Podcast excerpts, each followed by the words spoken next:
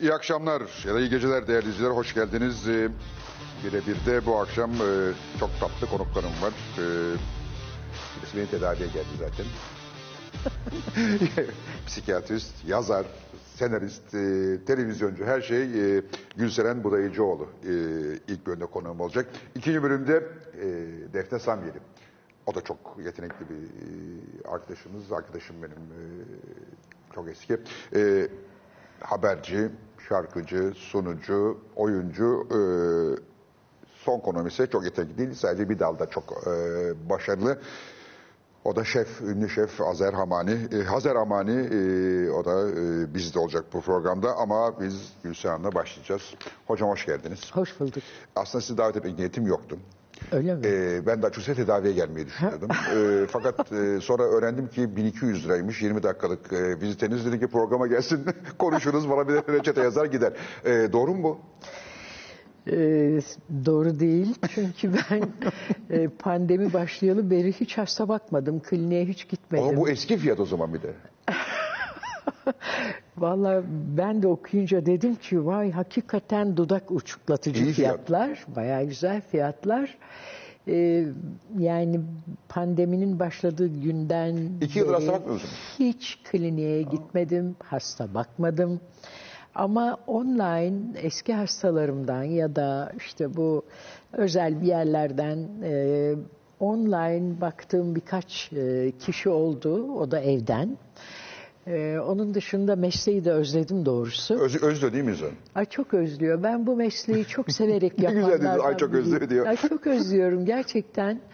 Ee, şimdi e, işte bu diziler, miziler onlardan yani o kadar yoğun ki e, vakit de bulamıyorum. Bir de e, tabii bu pandemi nedeniyle e, olabildiği kadar e, evde geçiyor benim hayatım.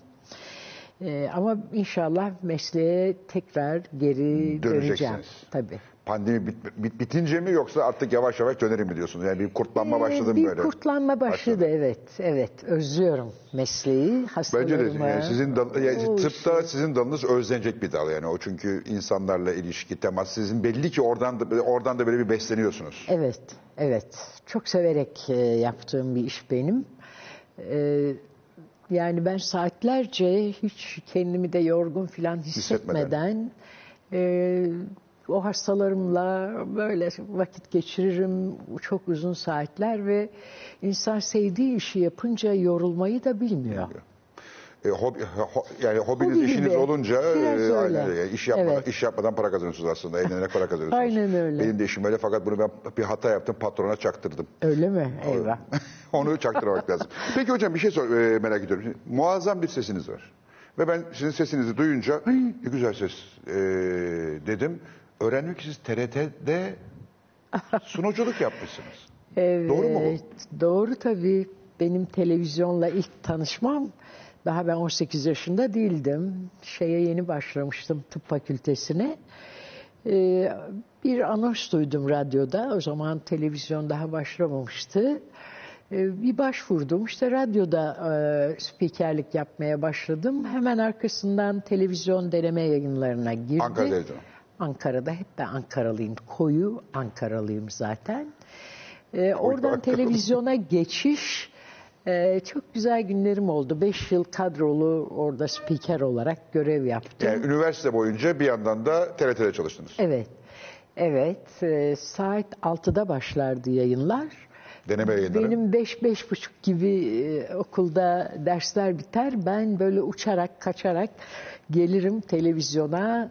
Bir makyaj odasına girişim, sonra oradan bir çıkışım vardır. Rüzgar gibi çünkü ben açardım yayınları ve sonra ben kapatırdım. Sonra giderek orada her şey spikeri oldum. İşte ne bileyim müzik programları, eğlence programları, belgeseller, röportajlar. Hatta saat 21'de çocuklara iyi geceler der. anonsu vardı, evet. Ha böyle bir çizgi filmler, onları filan da ben seslendirdim. Ee, O da çok keyifli bir dönemdi 12'de de benim için. Marşı'da kapanırdı galiba değil mi yayın? evet. Herhalde İstiklal- onu da siz söylemiyordunuz.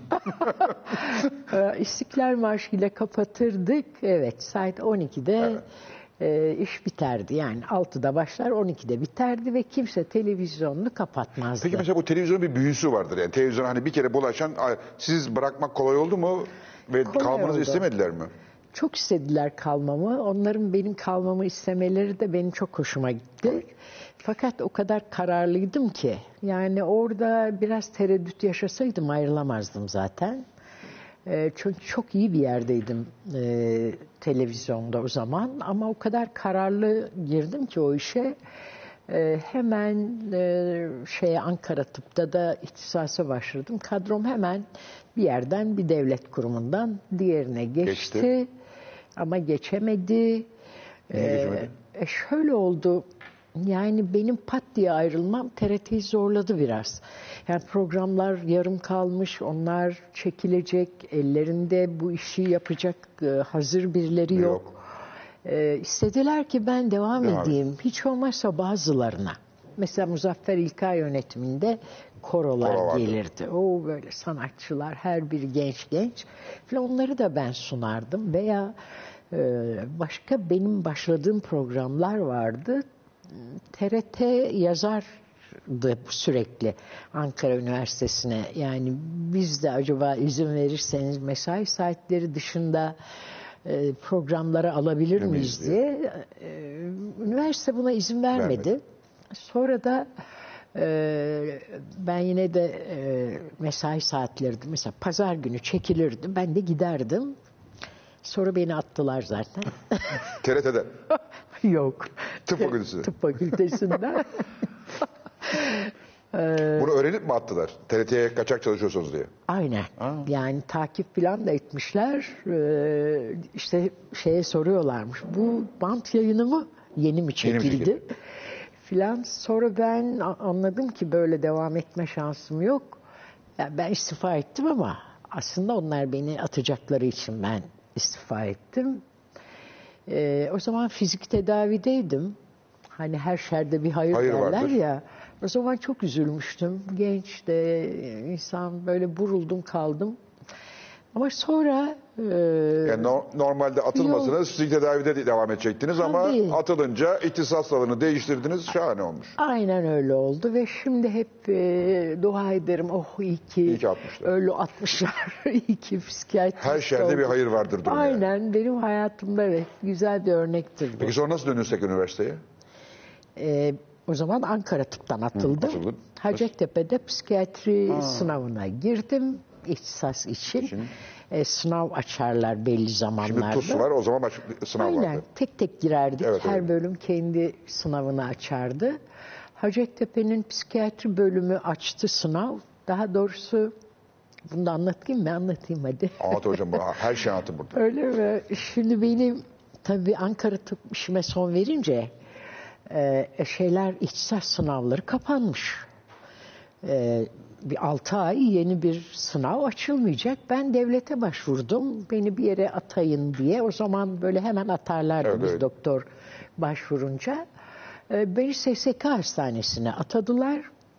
E, ve orada psikiyatri bölümüne verdiler beni. Hmm, pratisyen olarak psikiyatri bölümüne gittiniz. Aynen ve ben de psikiyatri bölümüyle e, orada tanışmış oldum. E, baktım bu iş tam bana göre. E, sonra Hacettepe sınav açtı. Oraya girdim ve Hacettepe'de de e, hep devam ettim. İşte 10-11 yıl kadar kaldım Hacettepe'de. E, epey orada hocalık yaptım. Öğrencilere dersler anlattım filan. Ama tabii e, ben doktorluğu çok seven biriyim. Yani hasta bakayım ben. Filan derken işte sonra oradan ayrıldım muayenehane. E, sonra klinikler filan e, işte böyle devam ettim. Sonra e, dönüp dolaşıp tekrar televizyoncu oldunuz. Aynen. Hani böyle bir hayat Evet, zaten böyle. Çember gibidir derler ya. Ben de şimdi döndüm dolaştım. Tekrar başladığım yerdeyim galiba şu anda. Önce yazarlık başladı ama değil mi? hissettim. Önce yazar. Yaza, ya- o yazma hissi nasıl oluştu? Ben dikkat ediyorum mesela hekimlerde genelde bir yan uğraş oluyor hep. Yani işte kimi ressamdır, Hmm. Evet. kimi şarkıya şuna buna meraklıdır. evet. Ee, ama hekimler hep o kaplarına sığmazlar. Yani ço- çoğu hekim bir anda bir şey yapar. Siz de yazarlığa yöneldiniz ki yazar başka hekimler de var ama sizin kadar başarılısı her zaman olmuyor. Yazarlık nereden aklınıza geldi? Ee, şöyle oldu. Bir kere önce şuna cevap vermek isterim. Hekimlerin mutlaka ya da çoğunlukla böyle yan uğraşları vardır. Çünkü hekim o kadar karanlık bir şeyle uğraşır Uğraşır ki. ki. Bir terapi lazım ona. Ölümle, kalımla, kanla, revanla, işte Hastalıklar. psikiyatride hep böyle hastalıklar, üzüntüler, çok ağır acılar. Ee, bunları boşaltacak başka ek alanlara ihtiyacımız olur bizim. Ee, ben açıkçası kendime biraz daha görev edindim. Çünkü ben o kadar çok hasta baktım ki. Yani bu işi çok severek yapınca çok insanla e, çalışıyorsunuz ve ben diyebilirim ki Türkiye'de e, şu bölgeden de kimseyi görmedim dediğim hiçbir bölge filan kalmadı. Her ilden, her ilçeden, her, ilden beldeden birini gördünüz. İnanın bana gördüm.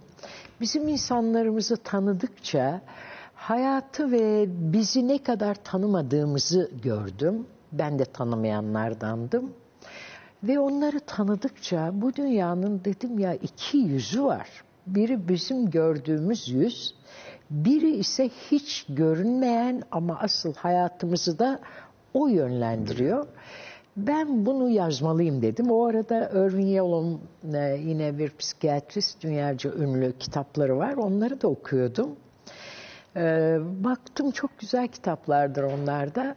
Fakat Kim hangileri bunlar? Irving Yalom'un Irving Yalom. mesela Aşkın Cellada en e, ünlü kitaplarından biridir. E, çok güzel yazıyor ama anlattığı kişiler bizim insanımız değil. Dedim ki ya biri bizim ülkemizden biri bizim insanımızı yazmalı. Çünkü bizim insanımız inanın e, çok kendine has özellikleri olan bir ülke insanlarıyız biz. Onun üzerine bu kitap yazma işi başladı ama kitap yazmak mesela o ilk kitap için beş yıl uğraştım. Bir kitap hangisiydi? Madalyonun içiydi. Zaten klinikler de oradan isim aldılar filan. Beş yıl uğraştım çünkü hem istedim ki okuma yazma bilen herkes okuyabilsin bunu ama e, bir profesör de okuyabilsin. Buradan hem biraz mesajlar vereyim insanlara hem ülke insanımızı tanıtayım hem de okuyanlar kendilerini bu kitaplar aracılığıyla tanısınlar. E, tabii bu kadar çok şey isteyince onu öyle yazı vermek Olmuyor kolay olmuyor. Ee, işte sonra diğer kitaplar takip etti. Ee, bu kadar e, Türkiye'de benim kitaplarımın bu kadar okunacağını açıkçası Beklemiyor e, muydunuz? Beklemiyordum tabii ki. Bir psikiyatristin yazdığı bir şeyler bu kadar okunur mu? Ama tabii bir yandan da çok istiyordum okunsun. Diye. Ee, çünkü neyi gördüm biliyor musunuz Fatih Bey? Tek tek bakıyorum insanlara. Bana kalsa ben 80 milyonun hepsine bakacağım yani. Hem işi çok Vakit olsa. seviyorum. Vakit olsa ve bunu çok severek de yapacağım. Ve insanların buna ne kadar ihtiyacı olduğunu gördüm. Ve hep diyorum ki ay bu kitabı çok insan okusa da hani psikiyatriye gidemeyen birçok Faydası insanımız olsa. var. Ha burada kendini görse bulsa hani o sorunlarını daha kolay çözse çok istiyorum okusunlar. İşte sonra böyle kitaplar çok okunmaya başlayınca ne kadar memnun oldum bilemezsiniz. Tabii okundukça ben e, yazma motivasyonum arttı. Beş kitap mı oldu? Beş oldu. Şimdi altıncıyı bir türlü Ha yine geliyor. çıkaramıyorum. Ha, bir, bir tane daha geliyor. Geliyor geliyor tabii. Şimdi diyorum ki artık bari geceleri daha geç yatayım ki kitabı e, artık çıkarabileyim. Çünkü gündüzlerim işgal altında. Diziler. Aynen diziler, e, işte Senaryolar. senaryolar, aman yarabbi o toplantılar, oyuncularla yapılan toplantılar, yönetmenlerle, işte Onlara da bizzat katılıyorsun. Onlarla da ilgileniyorsun yani. Ben yazdım verdim değil. Yok değil. Tabii, tabii. Her biriyle elimden geldiği kadar e, Peki kliniklere kim bakıyor bu arada? oğlum. evet. O da doktor mu? E, Değil. O işletmeci tam da denk geldi ama zaten biz kliniği oğlumla birlikte açmıştık. Yani ilk kazmayı vuran e, burası öyle değil şöyle olsun. Benim e, bana o anlamda çok benzemiş oğlum da. E, çok özel isterim ben. Yani laf ola burası işte tamam e, hayır Titizsiniz olmaz. Ben titiz mi diyelim? Detaycı. Yani de- de- biraz meraklıyım. Ee, hele böyle psikiyatride bir iş yapıyorsanız, ben evime de öyleyimdir. Yani çalışmamasam e, şöyle olsun ki ben orada edeyim. daha böyle içim açılsın. Kahve içtiğim yer şöyle olsun ki herkes bilir kırmızılara falan merakımı benim. İşte böyle daha canlı ortamlar isterim. Onlar insanın Burası nasıl hocam enerjisi- mor falan yaptık biz ama yani hata mı Vallahi etmişiz? fena değil, Fena değil. Nereden? Böyle e, bunlar- Biraz böyle hafif bir pavyon havası yok diye. E, Şimdi ben buralarda hep enerji görürüm. Yani onun için renk severim. Yani enerji verir bize. E, Renkler. özellikle kırmızının çok Evet. çarpıcı bir enerjisi vardır. Hocam mürekkebim bile kırmızı bak. ne güzel. evet. e, yani çok e, özen gösteririm. İşte muayenehanemde de öyleydi. Gözünüz de öyle. Ha, gözüm de öyle. Yani şu değildir aman en pahalısı olsun da en o orada değil ama içeri içeri giren orada kendini çok rahat İyisi. hissetsin. Huzurlu Bir kırmızı olsun. gerer falan derler psikiyatri. Değil midir öyle? Nasıl? Kırmızı da ger, ger- Ha, insanlara yok, falan hayır, derler. hiç değildir. Tam tersi. Ee, kırmızının insanları e, daha kolay açtığını düşünürüm ben.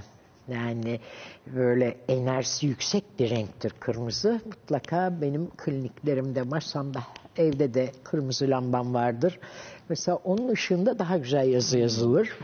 Ee, böyle bir motive edici Ha, bir si- renk. size gibi. özel bir durum var onun kırmızının Evet, yani. evet, evet.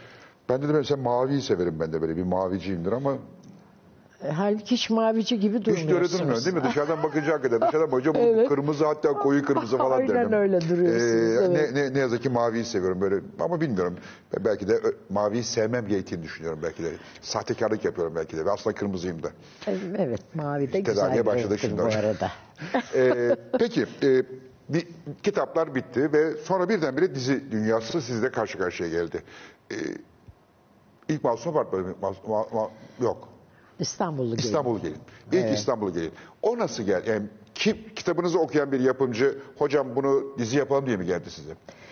Ee, aşağı yukarı öyle oldu. Ee, bunları dizi yapalım şeyi hep vardı zaten ama biri iyice ya- yakama yapıştı yani bunu yapalım diye. Ee, ben epey bir acemilik çektim doğrusu çünkü bu burası e, bambaşka bir alan, bambaşka bir yer derken bu e, İstanbullu gelinin çok sevilmesi, hatta Emmy adayı falan olması da benim buradaki motivasyonumu arttırdı. Ama benim yine her zamanki titizliğim nedeniyle benim iş yükümü arttırdı. O senaryoları mutlaka okuyacağım. Senaryoları siz yazmıyorsunuz ama. Siz Hayır, onları ben denetliyorsunuz. yazmıyorum. Tabii. Onları senaristler yazıyor. Biz onlarla bazen e, senaryo yazılmadan önce konuşuyoruz. Bazen tamamen onlar yazıyorlar.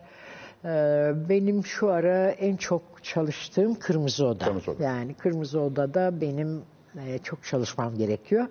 Diğer senaristler daha e, bensiz de bir şeyleri götürebiliyorlar. Yani şu anda en çok vaktiniz olan Kırmızı Oda. Ee, Evet, en çok Kırmızı Oda. Çünkü Kırmızı Oda e, bir senaristin kendi başına yazabileceği bir şey değil Hepsi yani. başka çünkü. Yani bir devamlılık yok. Her, her şey yeniden başlıyor. Evet ve de hastayla konuşan bir doktor doktoru lazım. nasıl yazsın yani? Ama yine de tabii çok şeyler. E, şimdi ekranda Binnur Kaya'yı görüyorum. E, ne kadar güzel oynuyor bir doktoru diye düşünüyorum. Ve hatta arada takılıyorum Binnur'a. Diyorum ki Binnur böyle devam edersen yakında seni kliniğe alırız yani. iyice doktor Ve oldun. bence doktor oldu zaten. Yani mesela ben Binnur Kaya'ya bakınca biraz da sizi görüyorum. Yani Ay çok güzel çok iyi oynuyor ve Çok güzel yani yarın öbür gün tedaviye bir şeye gidecek olsam, e, danışmaya gidecek olsam psikiyatri, Binnur Kaya'yı karşıma çıkarsalar ben gayet oturur derdimi anlatırım yani. Hemen başlarsınız, Ba- bayağı iyi, iyi bir psikiyatri bir hali var. Bir de Binnur Kaya çok duygulu biri. Ee, psikiyatristlerin de duygulu olabileceğini bu diziyle e, halkımız gördü. Onlara bu kadar yakınlık gösterebileceğini, sevgiyle, şefkatle yaklaşabileceğini. Ben de açıkçası bunu çok teşvik ettim. Çünkü ba- bazen bana kızıyorlar. Yani psikiyatrist böyle mi olur? Nasıl olur? İşte psikiyatrist böyle oturur. Ee, Psikiyatrist empati kurmaz diye düşünülür hep. Ha, tam tersi psikiyatrist mutlaka empati kurmalıdır. Peki bu yormaz mı psikiyatrist? Her- Her gelenle empati kurmak yormaz mı süre sonra? Ee, bir insanla empati kuramazsanız e, o insana iyi doktorluk yapamazsınız. Onu iyi anlayamazsınız. Çünkü bizim işimiz e, mesela bir cerrah düşünün. E, o nereyi ameliyat edecek, o organ birbirine hep benzer. Benziyor. İşte karaciğer hep aşağı yukarı böyledir tabii. Onlar da zaman Biraz zaman değişir ama- anomaliler var ama bakın bizde öyle değildir. Ben belki yüz binlerin üzerinde e, insanla çalıştım. E, birbirine tıpatıp benzeyen hiç kimseyi Şey görmedim. Ne hayatları, ne mizaçları, ne karakter özellikleri. E, bu da mesleği daha da cazip hale de getiriyor bir yandan. Ama bir yandan da e, çok e, dikkatiniz hep hastanın üzerinde olmalı. Ben bazen kendimi dedektife de benzetirim. Çünkü bizim Deşiyorsunuz. e, hastalarımız şeyi bilmez. Zaten bilse bize gelmez. Yani esas sorunu nedir? Buraya niye geldi? Siz o size başka bir şey anlatırken onu kullandığı bir kelimeden, işte saçını tarama biçiminden, sesinin tonundan, size bakışından, nerede durduğundan filan bir şeyler keşfetmek zorundasınız. Yani böyle böyle bir keşifler yaparız biz. Hocam, Hatta size tedirgin bir ol- hikaye tedirgin, daha tedirgin anlatayım. oldum şimdi. Şimdi bu Kırmızı Oda'ya e, Gökhan Athena gelecek inşallah. E, ve onunla e, çok hoş bir hikaye vardı ve ben dedim ki bu Gökhan'a da çok e, uyar. E, işte Gökhan'la konuşuyoruz. E, işte nasıl bir yatak odası yapalım sana, sen ne seversin filan. Ben başladım dedim ki ya şöyle bakıyorum Gökhan'a. Ya sen ahşap seversin dedim. Şöyle bir baktı. Senin perdelerin de şöyle koyu, siyah, sor filan olmalı dedim. Telefonu götürdü. Hocam siz burada geziyor musunuz? Geziyor Ben musunuz? yok ya. evet yani böyle psikiyatrist olunca böyle dedektifliği öğreniyor insan. Ee, tabii bu yıllar içinde olabilen bir şey ama her şeyi de bir bakışa anladığımız falan söylenemez tabii. Yani rahat ol diyorsun. Ee, ama şey bir meslek yani her an tetikte, dikkatli ve çok özen göstererek yapılması gereken bir meslek. Ve de doktorun özellikle bizim ülkemizde ben ö- bu gençlerimize de bunları çok anlatmaya gayret ediyorum. Ee, mesela batıdaki psikiyatriyle bizdeki biz batıyı doğrudan alıyoruz. Orada daha mesafelidir Mesafeli. ilişkiler. Ee, bizde e, bizim insanımız sıcaktır ve bir bir doktor, bu psikiyatrist olabilir, cerrah olabilir, cildiyeci olabilir. E, doktorun karşısında bile hep çekingendir. Kendini öyle pat diye açamaz. E, bir de siz psikiyatristseniz o sıcaklığı ona e, Veremiyorsanız, Veremiyor. geçiremiyorsanız Aynen. Onun size açılması çok zor olur. E bunu yaparken bir de o mesafeyi de koyacaksınız ki e, doktor hasta ilişkisinde. Fazla da yüz göz olmamak lazım. Tabii bu da çok önemlidir. Tekrar bin Nur'a geri dönecek olursak bin, Bin Nur bu işi bunu yapıyor. çok güzel yapıyor. hem çok şefkatli, çok yakın hem o mesafeyi de hiç bozmuyor. İyi bir psikiyatrist örneği oluyor gibi geliyor bana.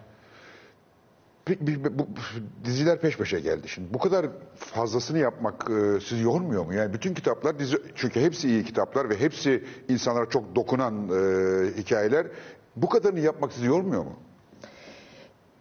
Ee, Çünkü titizsiniz biliyorum. Ya yormaz olur mu? Yoruyor tabii. Ama benim şöyle bir alışkanlığım var. Ben hayatım boyu size anlattım işte tıp fakültesi gibi bir e, okul çalışarak nasıl okunur ya? Ben şimdi bazen şaşıyorum kendime. Bir de Ankara tıp. Yani öyle böyle Öyle değil. değildir. Oradan mezun olmak e, çok zordur. Zor. Eskiden bütün tıplar o zordu. kitaplar, mitaplar çok ağır bir okuldur.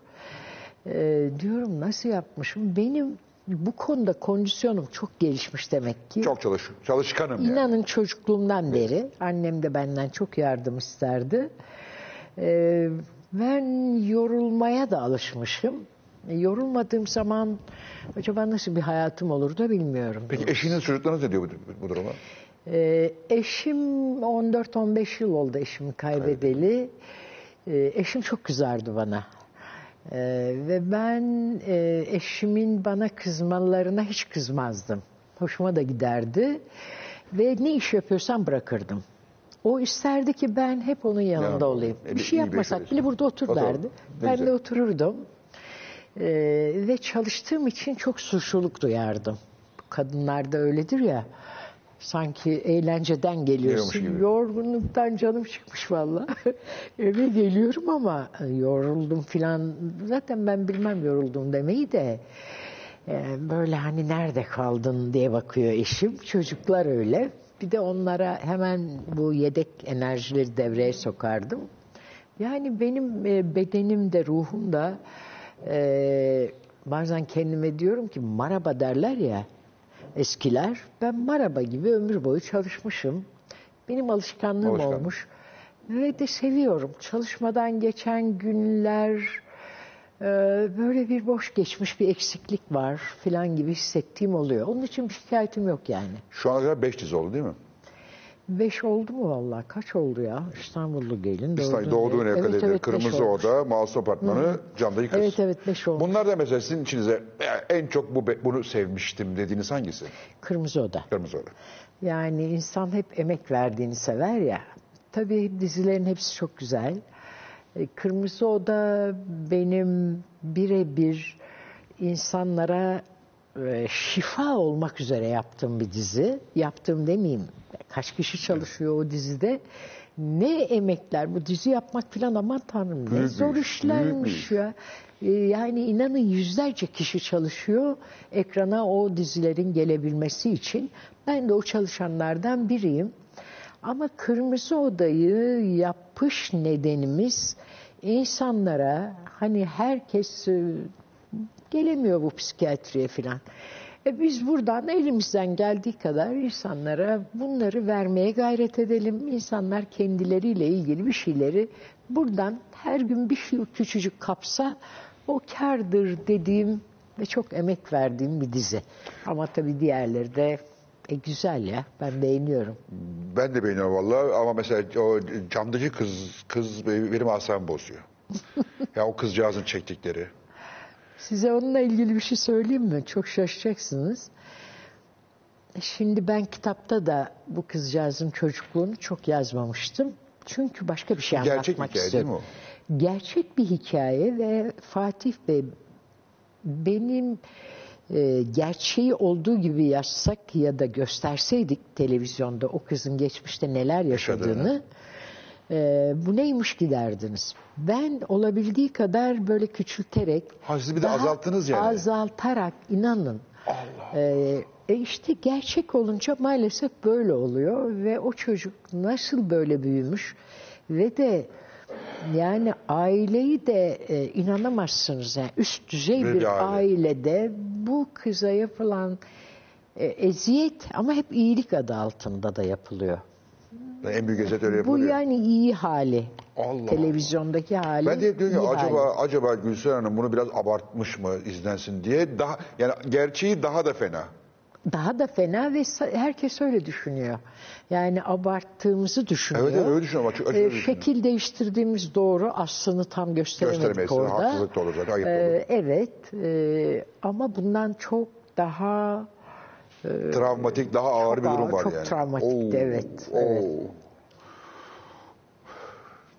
Ben dizilerinize şu açıdan çok pozitif bakıyorum. Şimdi Türkiye'de biliyorsunuz psikiyatri dendiği zaman mesela aklına, ya deli doktor kardeşim ne, ne işin var?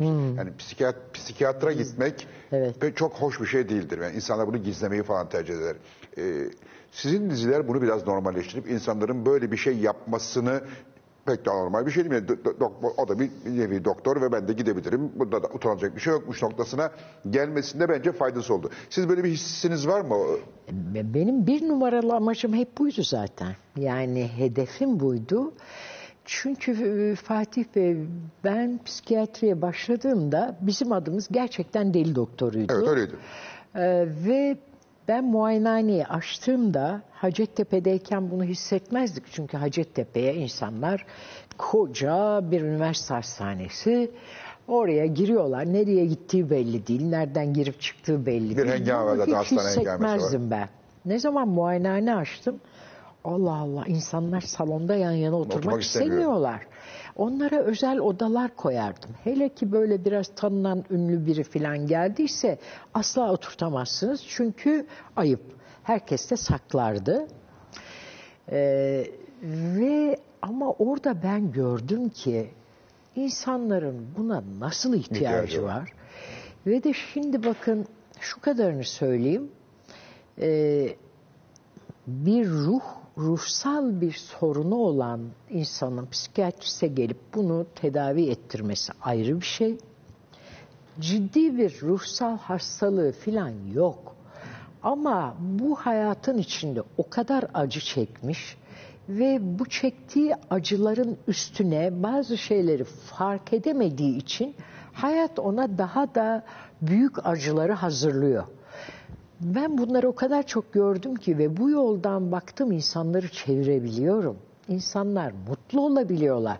Ya bir kerelik geliyoruz işte dünyaya. Bunu işte bedenen çok sağlıklı. E sizin huzurunuz yoksa, siz e, o sağlığın bile bir anlamı Anlamı yok kalmıyor. ki. Ben onun için e, insanların buradan korkmasın. E, en akıllı insanların gideceği yerdir aslında psikiyatri. Bu mesajı çok vermek istedim. E, ve özellikle bu Kırmızı Oda'dan sonra patlama yaptı. Şimdi Türkiye'nin her yerinde psikiyatristler, psikologlar ağzına kadar randevular dolu. Dolu. Ve buraya başvuranların ruh sağlığı bence son derece yerinde. Ama o farkındalığı geliştirmek, kendilerine mesela başarısızsa daha başarılı olmak ya da ailede sorun var, mutlu olamıyorlar. E, Bunlar çok Mutsuz ama kaynağını bilmiyor, nedenini anlayamıyor. Evet ya. Ben o nedenle çok e, şeye çok mutluyum. Yani psikiyatriye böyle bir katkı yapabilmek e, benim en büyük ideallerimden biriydi. O nedenle de hiç yorulmuyorum. Çok çalışsam da diyorum ki bak böyle oldu. Böyle bir faydası oluyor. Ne güzeldi. evet. Bence bence de öyle bir faydası hakikaten e, oldu. Peki bu şey var. e, Türkiye'de giderek ruh sağlığımızın bozulduğu yolunda bir inanç var. Giderek e, bu e, antidepresan ilaçlar, tranquilizanların Evet. daha çok kullanıldığı ve e, bir anlamda ülkenin ve ülke siyasetinin insanın üstünde yaşayan insanları ezdiği. Buna de şimdi ekonomik e, şeyler eklendi. Doğru mu? Hakikaten giderek daha ruh sağlığı bozulan bir toplum haline mi geldik? E, bu Türkiye için böyle bir şey söylenemez. Yani dünya bu halde Dünya bu zaten. halde. Bize özel bir durum değil Bize, yani. Tabii bize özel bir durum değil. Bizim ülkemizde bundan nasibini alıyor. Ben mesela e, işte 68 kuşağının bir mensubu olarak nereden nerelere geldik, ne kadar bambaşka bir ülkeydi bizim yaşadığımız ve bugün neredeyiz? Ee, ve diğer dünyanın diğer ülkelerinde de mesela bizde ekonomik sorunlar var, işsizlik var, kalabalıklar var. İstanbul'un 20 milyonluk bir şehirde yaşamak var. Var da var. Var. Yok da yok olanların ruh sağlığı iyi mi? Değil. Değil. Çünkü medeniyet bir yandan da insanların duygularını ufak ufak geri çeken e, ve daha standart e, bir insan yaratmaya çalışıyor ama başka çare de yok tabii. Biz tam medenileşemedik. E, acaba diyorum daha medeni bir ülke olduğumuzda e, duygularımızı biraz daha canlı tutarak buraya geçebilir miyiz? Her neyse ben o şeyi karıştırmayayım ama şu anda bütün dünya e, inanın e, ruhsal açıdan çok zor yani herkesin neredeyse bir sorunu var. Özgürlükler yalnızlığı getirdi. Özgür olamamalar başka şeyleri, depresyonları getirdi. Bizim ülkemizde de e, bir de pandemi var. O Pandemiyle üstüne birlikte. Oo, tabii çok kaygılar arttı, depresyonlar arttı. İnsanların yaşam alışkanlıkları değişti. Ne demek hepimiz yani e, 11 Mart'ta Dışarıda kadar yemek yiyebilmenin ne kadar 2020 acayip bir şey olduğunu, ne kadar önemli olduğunu Evet, fark ettik. Yani ne hale geldik işte ben böylece üç dizi birden yaptım eve kapanınca. size, faydası oldu en azından. Valla faydası oldu. Beni evde oturttu. Evde de oturulabiliyormuş demek ki. Yani Türkiye'de de bu sorunlar çok yüksek. Ee, ama dünyada da hızla e, bu çok yükseliyor. Yani biliyorsunuz batıda zaten psikiyatriye gitmeyen yok. Yoktur. Ama şimdi bizde de insanlar Yavaş yavaş, artık yavaş o yavaş alışkanlık oldu. Evet. Bir, bir- şey de fark edemedi. Dediğiniz çok doğru. Eskiden mesela bir psikiyatri kliniğinin bekleme odasında kimse oturmazdı. Tabii. Ee, herkes işte gelip hemen gireyim derdi. Şimdi bakıyorum senin neyin var? Aa, ben psikopatım. Sen, ben, ben hafif sosyopati var ama galiba o biraz da paranoya çeviriyor falan. Böyle. Arada bir muhabbet oluyor yani. Ee, Bir de üstelik bu bize gelen başka hasta getiriyor. Yani ben hep hasta diyorum. Alışkanlık. Başka- danışan diyor. Danışan diyorlar biliyorsunuz. Daha güzel. Danışan çünkü bize gelen hasta değil ki. Hani e, biz e, herkes akıllıya biz deliye biz deliye hasretiz şimdi artık. Çünkü daha bilinçli, daha farkındalığı yüksek insanlar geldiği için mesela gelen e, Mutlaka arkadaşında, eşini, hele kadınlar maşallah bu konuda çok çok iyiler. çok iyiler evet. Çok iyiler. Daha- onlar daha rahat geliyorlar. Müthişler. Yani kadınlar müthişler.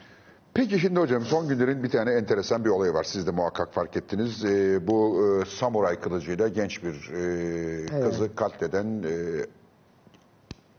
ne diyeyim adam herhalde kaç yaşında 33 Evet. yaşında galiba. Ee, şimdi onunla ilgili herkes çeşitli yorumlar yapıyor.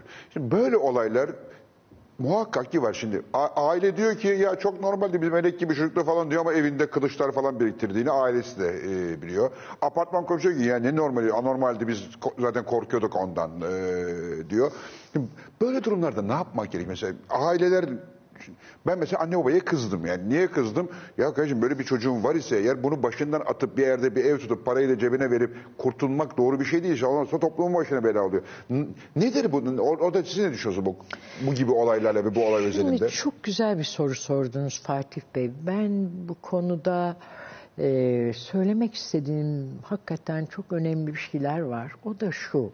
Şimdi e, bütün dünyada bu tür psikotik dediğimiz yani deli dediğimiz insan sayısı çok fazla. Geçen yılda buna benzer bir hadise Evet, daha olmuş. yaşanmıştı. İşte böyle kızcağız evine giderken hiç tanımadığı birisi öldürdü. Öldürdü. Bu da öyle. Şimdi ben bu çocuk da hasta mıdır değil midir? Yani bunu tabii uzaktan o bilinmez. kurum e, söyleyecek ama e, şimdi bu tür hastaların şöyle bir özelliği vardır. Bir kere bu en ağır ruh hastasıdır bunlar. Bunlar gerçeği asla değerlendiremezler. Yani o çocuk hastaysa eğer bu kızı niye öldürdüğünü bilmez. E, Bir gün önce bunu öldürüp öldürmeme konusunda bir fikri, fikri bile yoktur. yoktur zaten. O anda bunu niye yaptığını bilmez. E, fakat bu hastalar her zaman için topluma büyük tehlike arz ederler. Şimdi aileler çocuklarının hasta olduğunu bilirler. Bilir. Ve inanın e, köydeki de, kentteki de, fakiri de, zengini de bunları tedavi ettirmek üzere harekete geçer. Çünkü bilirler çocuk tehlikeli ve çok hasta. Bu iş tedavi görmemiş galiba değil mi?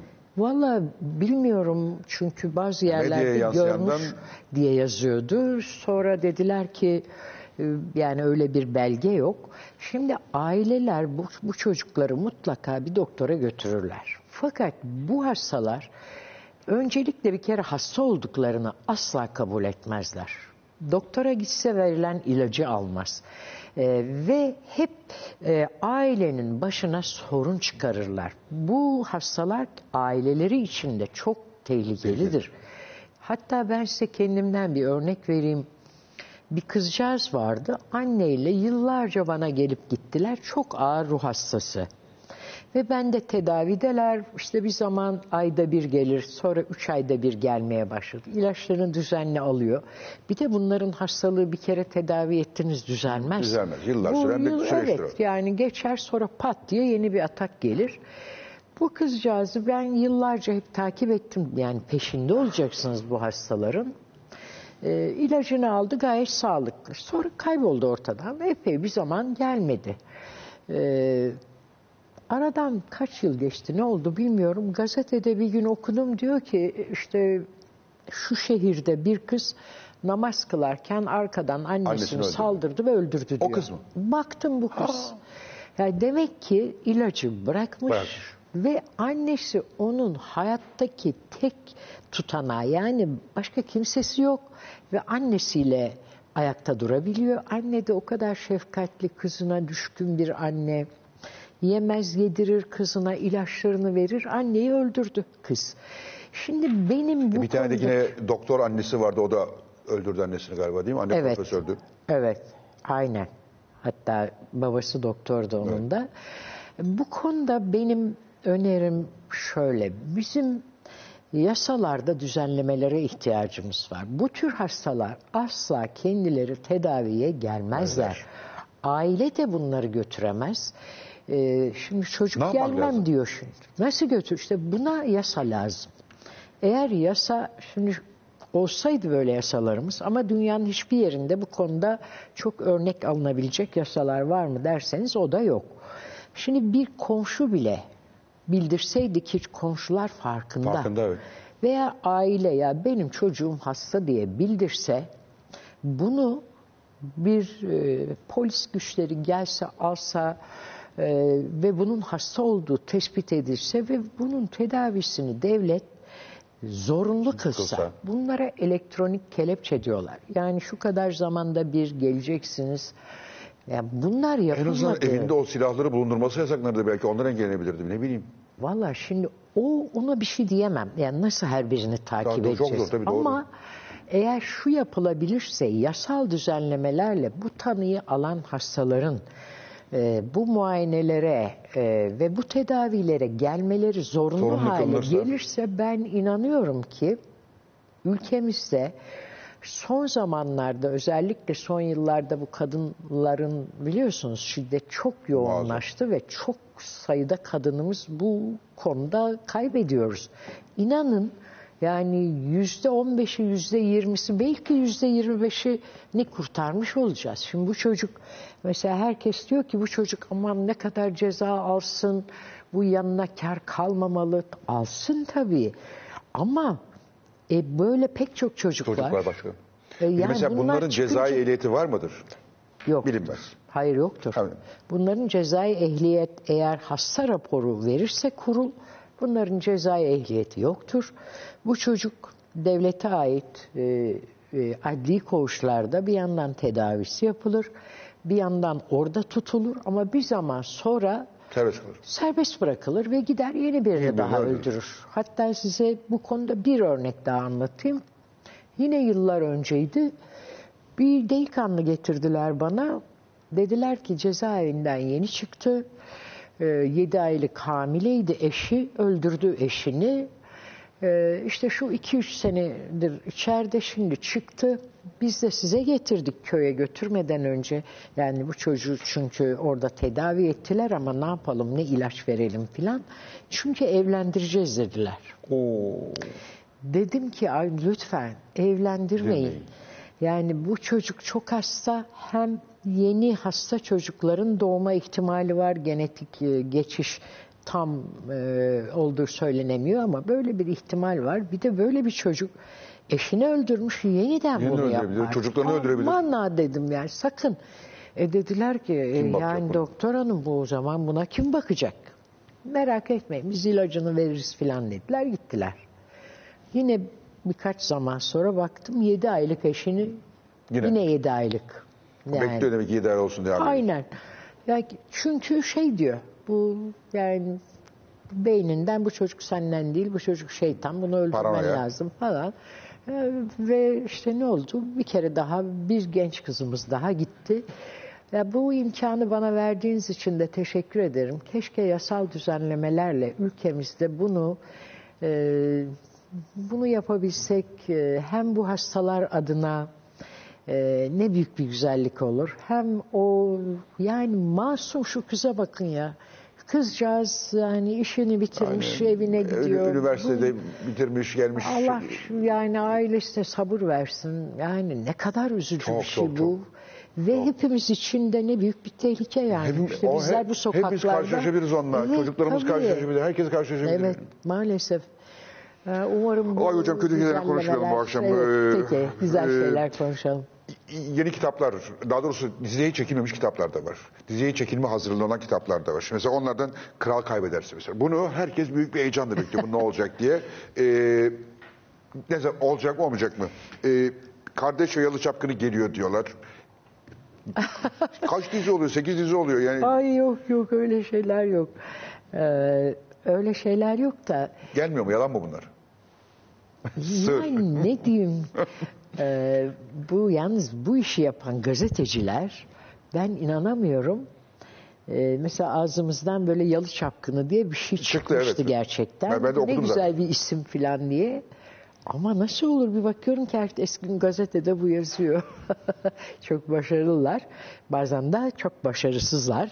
İşte bu ne 20 dakikası. 20 dakikada bilmem ne. 1200 Ben evde otururken nasıl oluyor bunlar? Ee, neyse. Ee, Kral kaybederse biliyorum okuyucularımdan da çok e, bu Talep var. konuda çok talep var.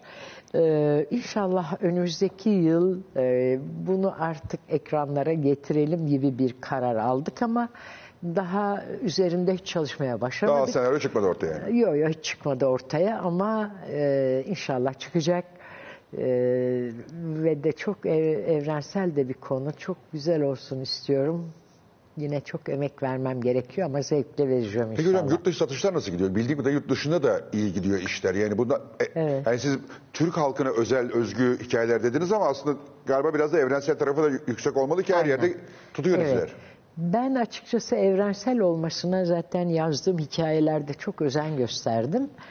Ama bir yandan da ülkemizin e, örfü, adeti, alışkanlıkları bunları da e, onlar da çok ilginç geliyor zannediyorum batılı insana. Bu çok değişik e, özellikleri olan bir ülkeyiz biz.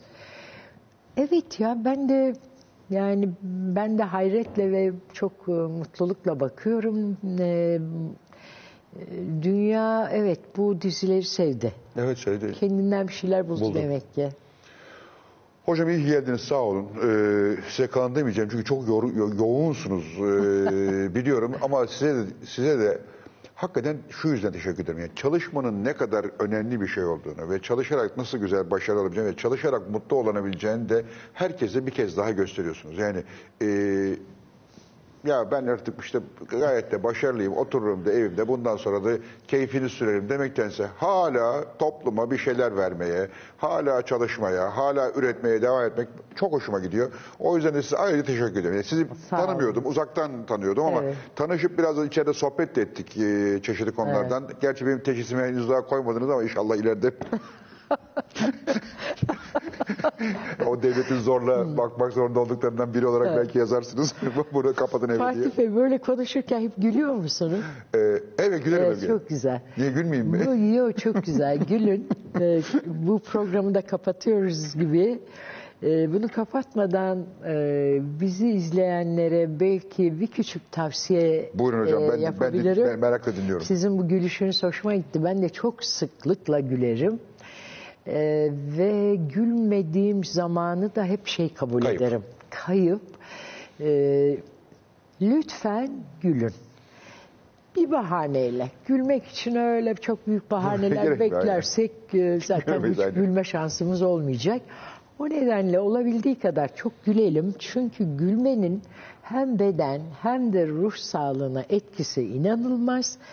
Hani bu ara hep bağışıklık bağışıklık falan diyorlar ya özellikle bu koronada falan çok önemli bu bağışıklık.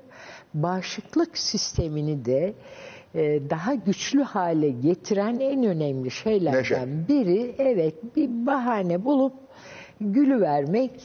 Ee, umarım e, bizim insanlarımız hep gülsün. Çünkü bizim insanımız çok acıyla hemhal olmuş insanlar. Ve gülmeyi en çok hak eden insanlar yaşıyor bu ülkede. İşte bir bahaneyle iş- hep beraber e, gülelim ve o gülmeler bize şifa olsun inşallah. Çok İnşallah hocam. Valla ben de bilmem katılır mısın? Mutluluğun e, aranıp bulunan bir şey değil. insanın kendi içinden yarattığı bir şey olduğunu hep düşündüm. Yani Tamamen mutsuz öyle. olmak istersen mutlu olursun. Mutlu olmak istersen mutlu olursun diye düşünürüm. E, Evet tamamen öyle. Buna bazıları biz, delilikler ama. Biz yaratacağız Aynen. onu. Hocam iyi geldiniz. Sağ olun. Çok teşekkür ediyorum. Ee, dizilerde başarılar diliyorum. Ee, uygun bir rol olursa çok sevinirim. Sağ olun. Sizden Çok özendim. teşekkür Her- Yani her 10 parmakta 10 marifet biz sadece burada böyle e, bir gazetecilik yapıyoruz. Ve ben- böyle, belki ben orada bir marifetim vardır diye şaka yapıyorum. Ama iyi ki geldiniz. Gerçekten çok teşekkür ediyorum. Rica ederim, ben de teşekkür Yeni ederim. dizilerde de başarılar diliyorum. Beni dinlemeye gerek yok zaten. E, ister istemez başarılı oluyorsunuz. E, o sizin herhalde alın yazınız olmuş. Bunca, çalışmanın e, şeyi olsa gerek, mükafatı olsa gerek. Sağ olun. Değerli kısa bir ara vereceğiz. E, Gülsen Hanım'ı e, uğurlayacağız. E, sonra Defne Samyeli ve Hazar Amani burada olacaklar. Evet değerli izleyiciler, şimdi de konuğumuz Defne Samyeli. Benim de çok eski bir arkadaşım. Tabii çok eski değil, o kadar da eski değil yani ama e, Çok eski ya. 90'ların ortasından beri. Şöyle söyleyeyim ben Fatih'i Best FM zamanlarından beri tanıyorum. Aa, değil o mi? kadar Kaç eski. sene oldu ya? Oo, oo, 30 Hande'nin sene. upuzun saçları Hande'nin vardı. uzun saçları vardı. Siz flört ediyordunuz. Aynen öyle. Vallahi öyle. Ne Sen kadar- çok aşıktın. E, o, o değişmedi.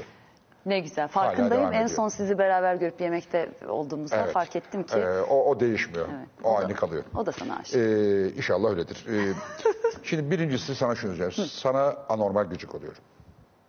Birçok kişi oluyor. Sen E, de. gıcık olmamın temel sebebi şu. Yaşlan kardeşim. Evet ya. Ya bu nedir ya? Yani, yani bahsettiğin zaman ben gencim, sen de gençsin. Tabii ben kendim çok hissediyorum. Bahsettiği bugün sen hala o günkü gibisin, ben ihtiyar bir adamım. Değilsin Fatih. Ya nasıl oluyor bu iş? Şöyle söyleyeyim. Hani burada böyle bir sihirli formül yok ama belli başlı faktörler var. Ne o faktörler? Ee, Genetik herhalde. Başına faktör bir oluyor. kere ge- genetik orası Lazım. kesin. Bir kere anneanneme çekmişim. Çok şanslıyım. Hani ailedeki kadınlar anneanneye çekmiş. İyi bari. Biraz çilekeş kaderler olmakla birlikte hani Allah bir yerden kapıyı kapatırken başka yerden açmış. Açıyor. hani mesela Bir yerden alıyor, bir yerden veriyor. Evet. Normal olarak hayatında yaşadığın iniş ve çıkışlardan fizyoloji çok etkileniyor. Hani çok dertli dönemlerde insan biraz daha yaşlı oluyor. Ee, iyi Muhakkak. günlerden geçerken daha hoş oluyorsun ama benim en dertli dönemlerim bile genelde yüzüme baktığın zaman çok anlaşılmayacak şekilde e, vücuduma bana pek vurmuyor kendime maşallah diyeyim. Diyorum ki bu da herhalde espri yapıyorum. Bu avantajları bu. Güzel bir genetik miras. Bunun yanı sıra kendime bakmayı zaten seviyorum. Bir de Ama Çok disiplinsin bir de. disiplinliyim. Evet. Ama kendime bakma konusu Fatih insanlar da artık bir hastalık haline geldi bu yaşlanmama konusu. Evet. Bununla ilgili endüstriler milyarlarca doları yönetiyor. Çünkü hayatı güzel yaşamak ve çok vaktimiz olsun istiyoruz. İstiyorlar. Hani orta yaştan sonra hepimizin önünde benim bak çocuklarım büyüdü. Ee, şimdi Kızlar kocaman kızlar oldu. kocaman oldu. Ben yeniden sanki 20'li yaşlarıma dönmüş gibi hissediyorum. Ama fiziğim buna izin vermeyecek derecede beni belli başlı hareketlerden, eğlencelerden alıkoyacak şekilde olsaydı, aynaya baktığım zaman yüzümü sevmeseydim, e, o mutsuz bir Mutsuz hal olurdu, yaratıyor. Onun için hepimiz daha iyi gözükmek istiyoruz. Ama bunu böyle isterken de işte aman yaşlanmayayım sarılıp onu yapayım, şunu yiyeyim, bunu bilmem ne yapayım diye bunu bir obsesyon haline getirdiğin zaman bilesin ki zaten yaşlanmanın Yaşlanıyorsun. önünü açıyorsun. Kesin. Takmayacaksın yani. Kesinlikle. Ben mesela şeyi bizim kültürümüzde e, bütün dünya kültürlerinde öyle de bizde bir özellikle belli bir yaştan sonra özellikle kadınların Kadınlarda. e, hani bir şekilde ıskartaya çıkma durumunda. Bununla ilgili espriler bana çok yapıldığı için sosyal medyada hani o kadar gülüyorum ki e, daha bu lafları söyleyenler kendilerini ne kadar değersizleştirdiklerinin farkında değiller. Yaş o kadar önemli bir şey ki. Önemli Biz- mi hakikaten? Çok. Biz bak 30 yıl öncesinden tanışıyoruz. Ben de seninle tanıştığım zaman yine çok heyecanlı bir genç kızdım. Ha, çok genç, genç kızdın. Evet. O zaman yeni güzel yarışmasını kazanmıştın ve yeni yeni Evet. spikerliğe başladın. Aynen öyle şey vardı. Best FM'de program yapmam Evet, söz konusuydu. Show'da show yeni başlıyordu o zaman. Senin televizyon yoktu ama çok yükselen bir radyo Evet. programcısı olarak zaten adım atma an meselesiydi. Oralardan heyecanımı kaybetmedim. Ee, sanki hayatım 100 yıl sürecekmiş gibi düşünüyorum. Ne yapmak istiyorsam onu yapıyorum. Hani şu mesleğe yıllarımı verdim de artık bundan sonra hani e, başka bir şey yaparsam yazık olur demiyorum. Benim için hayat bitmek tükenmek bilmeyen bir macera alanı gibi, bir oyun gibi. Ama sen biraz da öyle yaşıyorsun. Öyle de yaşıyorum. Yani şimdi bakıyorum mesela sunuculukla başladın. Eğlenceli işler sundun. Sonra birdenbire Haber. haber sunucusu oldun. Ve kendini adadın yani zannedersin Evet. ki doğuştan gazeteci Pulitzer alacak falan böyle delirmiş vaziyette. Ee, stüdyoda yatıp kalkıyorsun. evet. Geliyorsun haberlerini kendin yazıyorsun bilmem ne falan filan. İşte Kanal D'de beraber çalıştık. sen başında vardın Evet, orada. sonra e, şeye geçtin. Şova. Sen şova e, geçtin e, Tuncay Özkan'la e, beraber. Hatta ben sana, ya kalma falan dedim. Sen, Hatırlıyorum. e, Hı hı. e, sen gittin. Sonra abi yeniden şarkı. Evet. Ya, Yorulmuyor musun bunları yeni yeni, yeni şeylerden? Hiç. Şeye bakıyorum, e, haberden vazgeçmemin nedeni o zaman e, Çileli eski eşimin bir biliyorsun ihale durumu vardı. Çileli eski eşin Eren. Benim kadın dostum. Eski arkadaşım, çocuk arkadaşım. O bizim hayatımızı çok etkiledi. Hem evliliğimiz hem işte iş hayatlarımız. Tam o dönemde benim işten çıkartılmam söz konusu oldu departmanla birlikte. Şuna baktım. Hayatın belli noktalarında bir durup ben ne istiyorum? İstiyorum ne yapmalıyım? Ben bulunduğum yerden mutlu muyum? Bu iş beni ifade ediyor mu noktalarına biz bak- bakmıyoruz. Yani hayat akıp giderken, reytingler iyiyken, tuzumuz kuruyken, Kuruyken. robot gibi belli bir yere belli bir saatte gidip akşam dönerken kendimize hani ben Defne'ye e, işten ayrılınca sordum. Sen burada mutlu musun? Yapmak istediklerini yapabiliyor musun? E, o senin sözünü ettiğin kendini adama, haberde kendini bulma hali. Ben işi yukarıya çıkartmak istedikçe yurt dışına çalışmaya başladım CBS ve Fox'a Evet. bir ara. Baktım ki bizim sektörde hani batılı standartlara yükselmeye çalıştıkça aşağı Aşağıda indirmeye gidiyor. çalışan bir trende Evet. girdi. Öyle olunca ya benim yerim burası değil. Çünkü benim beni tarif eden konum yaptığım iş değil. Ben Defne olarak neredeyim, ne yapmak istiyorum? Ee, öncelikle aileme yöneldim hani burada ne olup bitiyor. Sonra yöneldim hayatımın en büyük e, dramlarıyla yüzleşmek durumunda kaldım. Ama oradan da sağ çıktım bir şekilde. Sonra Dram ne oldu ki? Boşandı. Başka ne oldu ki? aa battık. Aşk olsun nasıl? E ne olacak canım? Ba- ba- ba- Bir şey olmadı. Onu da o da kötü bir şey değilmiş yani. Onu da yaşadık. Evet, yani evet. oluyor ya hayatta. Ya birkaç yüz milyon dolara borçlar battınız. yani. Bir dolu ders e, aldık. Yani davalar Eren'le devam beraber. ediyor. O da beraber. Ya o da çok büyük değişime uğradı. Ama ben de hayatımın bireysellik sayfasını açtım. Hani 22 yaşında evlenmiş, dominant bir anneden, dominant bir annenin yanından yine öyle bir 22 eşle. yaşında 23 yaşında anne oldun galiba değil mi? 23 23'tü Evet, galiba değil mi? evet. Ve şimdi kızına yayın yaptığınız zaman kardeş gibi duruyorsunuz. Bayağı arkadaşlarım, işte onların erkek arkadaşları falan bayağı aile oluyoruz. Aile gibisin. Ne kadar iyi bir şeymiş. Hani çocukların o küçük döneminde çileli zamanları oluyor ya. İşte dadılar, yardımcılar, onların işte okul öncesi eğitimleri, şunları bunları yürüdü. Uyudu. Mesela erken evlendi dedin mi hiç böyle? Ya keşke daha geç evlensin falan değil mi? Ee, Şimdi neredeyse çocuk gibi değil. Evet öyle. Eren bana başka bir şans tanımadı. Yani o ben hallem etti, kallem etti. Ben kendimi dört ayda evli buldum. Evet, ben anlamadım. Ben çok şaşırdım. Ben çok uyanık zannediyordum kendimi Fatih. O kadar değilmişim. Çünkü e, 18 yaşından beri televizyonda çalışıyorum işte babam yaşındaki insanlar, annem yaşındaki insanlarla. Akıllıyım da Hatta deden yaşındaki bazıları. Hatta dedem yaşındaki. Evet evet öyle abilerimiz var. Abiler. Hala görüştüğümüz abilerimiz var. Ee, onlar falan varken çok gelişmiş zannediyorsun. Oysa ki duygusal yaşam ve onu yürüten taraf bir Aslında çocuk 18-19 hala. yaşında kalmış. Evet.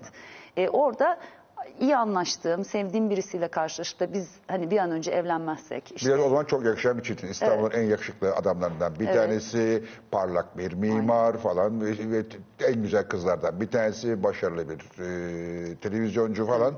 Palırkü'de bana evlenmiş. dedi ki niye evlenmeyelim? Bu basın bizi ayırır dedi biz evlenmezsek dedi. Kandırdı seni yani.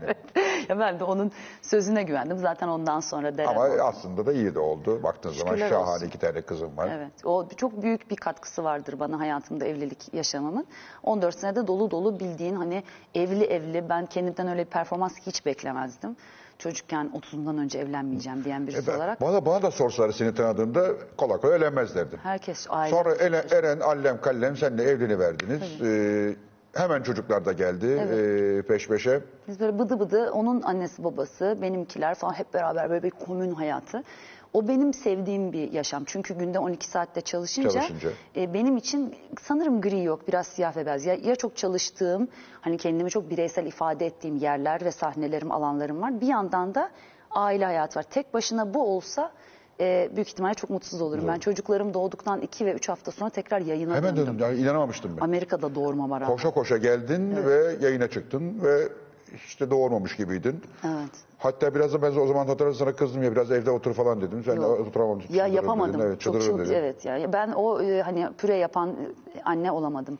Ama çok oynadım. İki buçuk sene emzirdim çocuklarımı. E, çok sevgiyle büyüttüm. Hani gece gittim sabahlara kadar oynadım. Hiç benim yokluğumu yaşamadılar. Yaşamaz falan. Peki e, bunca iş yapıyorsun şimdi. Sonuçculuk, televizyonculuk, programcılık, şu bu falan filan. Şimdi bir şarkı söylüyorsun ve içinden bir garip bir yetenekli bir şarkı çıktı yani. evet. İlk de Defne şarkı söylüyor. Yani ne Defne şarkı söylüyor falan dedim. Ben ki aa Defne ciddi ciddi şarkı söylüyor. Ve bayağı da eğlendiriyor insanları. Bunlardan hangisi daha sensin ya da ya keşke başından beri bunu yapsın dediğin hangisi veya hiç bırakmasın dediğin biri var mı içinde? E, hepsi ben. Şarkıcılık tabii. Çünkü kendim bildim bileli şarkı söylüyorum. Yeni bir şey değil. E, 7 yaşından itibaren TRT ekranlarına çıkmaya başladım. Şa- şarkı söylüyordum TRT İstanbul Çocuk Korosu'nda.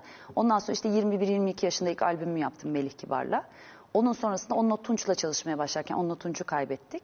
Ama benim paralel olarak televizyon hayatımda devam ettiği için haberle birlikte bir de derene hamileyim diye şan egzersizlerini kesmek zorunda kaldım. Bebeği kaybetme riskim vardı. Ama ondan sonra doğurduktan sonra da hep devam ettim. Çok ilginç. Ee, haberin en beni tatmin ettiği, çok mutlu olduğum yıllarda yazın bir Broadway yıldızlarını çalıştıran hocadan New York'ta müzikal dersi alıyordum. Bir, bir, bir, bir yandan da onları yapıyordum. Onları yapıyordum. Niye diye soracaksın. Seyircilerimiz de belki şey yapacaklar. Çünkü ruhumu besliyor diye ben ileride bir gün sahneye çıkıp şarkı söyleyeceğimi hiç düşünmedim. Düşünmüyordun değil mi? Asla Ya düşünmedim. bu bir plan dahil yapılan bir hiç şey hiç değildi. Hayır, beni mutlu ettiği için sadece hobi ve şey ama hobi derken ben her yaptığımı ciddiye aldığım için orada da belli performansları kendimden bekleyen hani gitgide gelişmeyi isteyen falan birisiyim. İyi ki yapmışım o beni çok mutlu ederken e, Türkiye'de hiç o şartların benim için uygun hale geleceğini düşünmezken bir gün gündeme geldi çok teklif gelince hadi bir deneyeyim kendimi dedim ve esasen ben zaten hep o sahnede olmalıymışım hissi o Ya zaman. öyle bir öyle bir durum var. Yani hep sahnede olma diyorsun gibi bir durum var. Bayılıyorum yani ve Seviyor musun hakikaten? Zor değil mi peki? Yani şimdi başka bir şey. Gece hayatı baş- Çok bambaşka zor. bir şey. Yani sen bir yandan da çok disiplinli falansın ama gece hayatta bambaşka bir hayat türü. Çok zor. Ben gece hayatı müşterisi olmayı da seviyorum. Kendim o müşteri olduğum için. Yani şimdi senin de e, sevgili seyirciler Fatih de eşiyle birlikte geldi bana en ön masada böyle oynadıklarını gördüm yani.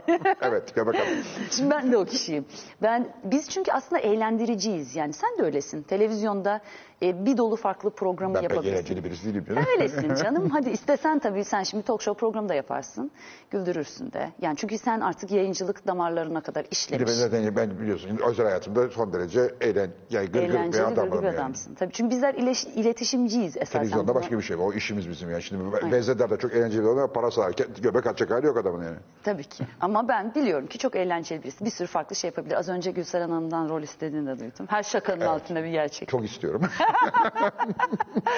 Sonra da şarkı söyleyeceğim. Senin sana rakip Çok olacağım. mutlu olurum. Sonra baktım e, şey, yani ben mesela şu anda kameraların önünde olmaktan da çok mutluyum.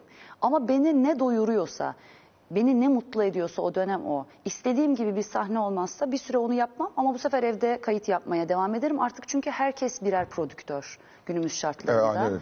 E, YouTube, YouTube falan o kadar olağanüstü falan dünyada yaşıyoruz ki artık öyle kader kurbanını oynamaya gerek yok. Hani bana teklif Ha, yok. Yeteneğin varsa bir yerden kendini çıkartabiliyorsun. Varsa canın gerçekten o senin gönlün, İnat ettiysen. kalbinin istediği şeyse karşısında hiçbir şey duramıyor. Peki mesela e, az önce Gülsen Hanım'ı e, izledin. E, içeride de e, beraber sohbet ettik. Sana rol teklifi gelmiş oradan ve sen reddetmişsin duyduğum kadarıyla. Doğru mu? Aa şeyi söylüyorsun. Ya, Camdaki kızı. Evet. Ha bak Gülseren Hanım'la onu konuşmadık. Konuşmadık. İstanbul'u gelini konuştuk. Evet reddettim. Niye reddettin ve sonra pişman oldun mu? Yo olmadım pişman. Niye olmadın? Şey basında şöyle bir haber çıktı. İşte reddettiği için pişman çünkü karakter beni yansıtmıyordu. Ben buna da çok güldüm. Karakterler Öyle zaten bizi oyuncu mu yansıtıyor. yansıtacak beni? Hayır. Hatta bilakis yansıtmaması çok daha, Daha iyi. eğlenceli. Çünkü normal hayatta hiç yapmayacağın hani üç kağıt, kötülük falan bunları bir karakterin içine girip yapmanın olağanüstü eğlenceli. var, değil mi? İnsanları böyle hani düdüklü tencerenin basınç bırakması gibi basınç bıraktıran bir tarafı var. Sonra ben oyunculuk eğitimi alırken bunu çok yaşadım. Mesela insanlara özellikle kötü davranmak, küfretmek falan bunlar benim hiç yapabildiğim şeyler Aa, ben şahane yaparım. Sen şahane bak bende yoktu. ben ancak bunu eğitimin bir parçası olarak yaptım. Sonra o rol e, beni ifade etmiyor değildi. Ben e, zannediyorum son dizimden sonra benim çok daha e, önemli bir parçası olmadığım bir senaryoda olmama kararı aldım. Öyle söyleyeyim sana. Çünkü çok emek sarf ediyorsun. Gününün çok önemli Aynen. bölümü orada kalıyor. Sekiz, ben Günde 8-10 saat çalışıyorsun. çok bencil bir yerden konuşacağım. Ekranda kendimi izlerken bir saat beklemek istemiyorum sahnem için. Ya ben Aa, onun çıktı. çok asli bir parçası olurum. Yani o çikolatalı e, yani ilk pastada... 5 rolden birini oynarım veyahut da oynamam. İlk beş diyemeyeceğim. İlk İlk, iki. ikiden bir tanesi olmazsa oynamayacağım. Orada da çok değerli bir rol Canan rolü. Hande Atez de şahane canlandırıyor. Biz e, Hande ile zaten başka rollerde de hep öyle şeye gelmişiz. Basından öğrendiğim kadarıyla. Kendisini de tanır ve çok severim. Ama zannediyorum... Hande de çok tatlıdır, çok Çok tatlı, çok çok, da harika. Onun da mesela kendi kişiliğiyle Şurada hiç alakası mi? Hande çok komiktir Çok da biliyorsun. eğlenceli. evet. Mesela o da hiç kendisiyle alakası olmayan bir karakteri çok güzel canlandırıyor. Ama o büyük tiyatrocu. Tabii şey, çok çok yani. değerli. Ee, benim bu ara çok sevdiğim yaptığım sahne konser işleri hele de iki yıl oturmuşken Şimdi tam onu soracağım. Bu pandemi. Şimdi sen şarkıcılıkta böyle yukarı doğru çıkarken Ya. her akşam bir yerdeyken zart pandemi geldi. ve eve Çok girmedin üzü- mi? çok Çünkü büyük tam böyle senin yukarı, yük- evet. yükseldiğin zaman Tam yani. aynen. Her akşam bir yerde çıkıyordun. Evet. Çıktığın yerler doluyordu. Evet. Orada bir de bir aşk hikayen de vardı güzel. Evet. İşin magazinine döktüm anında. Dayanamadım. Dayanamadım. Dayanamadım içindeki gazeteci. Hayır, bunların hepsi, bütün o güzellikler bitti, Bitti. ve pandemi oldu. Pandemi çıktı birdenbire. De- büyük depresyona girdim tabii. Çünkü o şey çünkü o benim nefes alma alanlarımdan bir tanesi sahne ve öyle bir şey oldu ki hep mutlu olmak için şarkı söyleyip bütün sıkıntıların içinden gerekirse kendini banyoya kilitleyip mesela birkaç saat şarkı söyleyerek kurtulan ben bir dönem hani müzikten de uzak durdum. Ee, Birçok kişi gibi yemeğe sardım. Hani yemek yiyip deli gibi spor yapmaya. Bir noktada kardeşim de bize taşındı. Senin böyle deli gibi yemek yediğini düşünemiyorum. Çok. Ya sen iyi yemek yersin gerçi ben de. sağlam. Evet. iyi Bir, yersin. bir ara yer fıstığı olayımız vardı. Kucağımızda yani annem, kardeşim, ben leğenler alıp hani ekranda sev... Kilo aldın mı çok? 4 kilo aldım. Sen onu bir günde verirsin. Evet yani o benim için fark etmedi. Çok zayıf olmayı seviyorum aslında bakacak olursan ama sonra etrafını doldurdu beni böyle çok daha iyi diye. Şimdilik hani üçteyim ama verebilirim, vermeyebilirim. Gayet iyisin. İyiyim, Maşallah. Tamam. Teşekkür ederim. Ee, bir yandan da kızlar var. ya Şimdi kızlar da maşallah yani ikisi de fıstık gibi e, oldular. E, onları da e, izliyoruz. Peki mesela bunca işin arasında kızları bilmek zor olmadı mı? Niye? Çok popüler bir anne, e, bir yandan e, çok popüler bir baba ama bir yandan aile içerisinde yaşanan krizler tam da onların büyüme e, döneminde falan. Ama baktığın zaman yine Çok zor maşallahları oldu. var. Evet çok zor oldu ama hayat zaten kolay değil. Kolay bir şey değil. Yani hayatın sen az önce güzel bir şey söyledin konuşurken ben son 5 dakikasını yakaladım. Hani mutluluğu da içimizde yaratıyoruz mutsuzluğu da. Ee, hayat da zaten kolay değil. Çok zor da değil ya da kolaylıkları, zorlukları öyle bir paket olarak Paket olarak. geliyor. O paketin içerisinde oradaki o o dönemeçlerden hani bu sıkıntılarla birlikte gülerek geçmeyi başarıyorsan e, ertesi günü karşılıyorsun. O bagajları sırtına alıp bir sonraki ana ve ertesi güne taşımamak gerekiyor. Yani olan oldu. Hani evlilik bitti. Bitti. Ya da bu iş böyle noktalandı, bitti. Bu burada bitti artık. Yani bundan sonraki Bu sonrasına adımda bakalım. biz bunun sonrasına bakalım. Hani oradan öyle bir Peki bunu kızlar da becerebildiler mi o, o rahatlıkla? Hmm, düşünüyorum. Ee, evet tabii ama elbette şimdi hani daha önce bir psikiyatr bilmiş bilmiş konuşmayın laf yapmıyorum diyorsun. konuşmuyor ama çok bilmiş olabilirim kimi zaman psikolojiye merakım var çünkü. Ee, bizim hamurumuza işte bu acılar bir şey katıyor. Onların da örneğin ilişkilerini şekillendiriyor falan. İkisi de çok şey oldular, feminist oldular. Feminist mi oldular? Evet, feminist oldular. Ve mesela e, çocuklarımda gördüğüm, ben onlara hep şey söylüyorum, aslında evlilik güzel bir şey diyorum ama biraz da jenerasyon gereği herhalde. Çünkü e, bizim anne babalarımızın döneminde olduğu gibi değil, insanların daha çok opsiyonu var ve tahammülleri azaldı. Azaldı. Birbirlerine kimse bir ömür boyu öyle bir e, bağlılık içerisinde olmak konusunda eski kaygılar ve mecburiyetler de yok. değil. Evet. O nedenle onlar da hani öyle ve işte sorulduğu zaman ben hiç evlenmeyeceğim falan diyorlar. Zannediyorum. Çoğu öyle diyor. Öyle diyor ama e, zaten hayatı başkalarının standartlarına göre yaşamamaları lazım. Belki de gerekli bir şey değildir. Hani bunu çok istedikleri birisi olursa ne güzel. Ama e, zaten çok gerekli olduğunu düşünüyorum. Sen ne güzel yürütmüşsün bunca zaman. Maşallah. İsterse diyelim. yürütüyor insan yani. Ha, isterse yürütüyor. İsterse İstemek yürütüyor. lazım. İstemek lazım. Bence bazı insanlar evlilik insanı bazıları değil. Bağırda değil aynı öyle. Bence de. Mesela Ve ben bu- bir evlilik insanıyım ve çok e, hoşuma gidiyor evli olmak. Kesinlikle evli olmak öyle. istiyorum. Benim mesela kardeşim de öyle. Yani bir yanında eşin olduğu zaman başka ne istersin falan diyen. Çok yakışıklı bir adam. Çok Evet, talibi şey. olan bir adam ama hep çok tek eşli falan. Kim insanlar böyle. Ee, ben olabildiğim zaman böyle olan ama bunun dışında öyle bir ilişki ve evlilik aramayan birisi olduğum noktasına çoktan geldim. Ben Bir bunu daha evlenmeyi düşünmüyor musun mesela? düşünmüyorum. Artık evlenmem diyorsun. Yani niye, niye mesela bana hayatta ne katacak diye düşünüyorum. Bir kere şu anda belki bu bir şeydir, yanlış bir inançtır. Şimdi öyle modalar Bak var şimdi ya. ben de konuşuyorsun de, de- unutma televizyon var. E, kamera var burada. Hiç dikkat- yani bütün tamam. seyircilerimize Şaka çok açığım. yapıyorum. İnandığım her şeyi söylüyorum biliyor onlar. Ee, hayata eğer biri senin hayatına girip sana özgürlük kazandırıyorsa şahane bir şey. Ama bu senin yaşam alanlarına, ilerleme isteğine, vaktini nasıl geçireceğine çok müdahale ve çok baskı şeklinde giden bir ilişki ise neden evlilik olsun ki? Yani evleniyoruz, esir düşmüyoruz. Bu demek Yani o bir, bir- birbirimizi büyütelim, birbirimize iyi gelelim. Arada mesela hatta şey e, birbirimizin hobilerine, e, yaşam alanlarına saygı duyalım. Şeye çok Öyle inanıyorum. olmazsa zaten yürümez zaten. Evet, sadakate E, ve o yürürse de mutlu bağlılığa olmaz çok yani. inanıyorum. Verilen sözlere inanıyorum. Hani bunu yapabilecek insan var, yapamayacak insan. Yapamayacak insanlar için zaten zor. Diğerleri için de vakit kaybı. Ama yani güzel bağlantılar olur, güzel aşklar yaşanır. E, Hani güzel birliktelikler olur ama bir mecburiyet, bir insanlar evli olsun. Örneğin belli bir jenerasyon hep şey der ya işte yaşlandığın zaman yanında birisi olsun, yalnız kalma. Ne kadar hazin bir laf. Ee, hazin yani. Hani niye yalnız kalasın ki? Bir de yalnız kalmak ne? Kalabilirsin de ba- yani. Dur, sen- o Olabilir. senin tercihin ama o evliyken de yalnız kalabilirsin. Allah göstermesin. yani. Hani o şeyde yani eceli gelir Onun hiçbir insanların. garantisi yok yani. Hiçbir garantisi yok. O yüzden insan etrafını insanlarla doldurmalı. Yani sırf evlilikle değil belki bir do- dostlarla, Dostlar. arkadaşlarla falan doldurmalı. Hatta hayvanlar Hay- bile.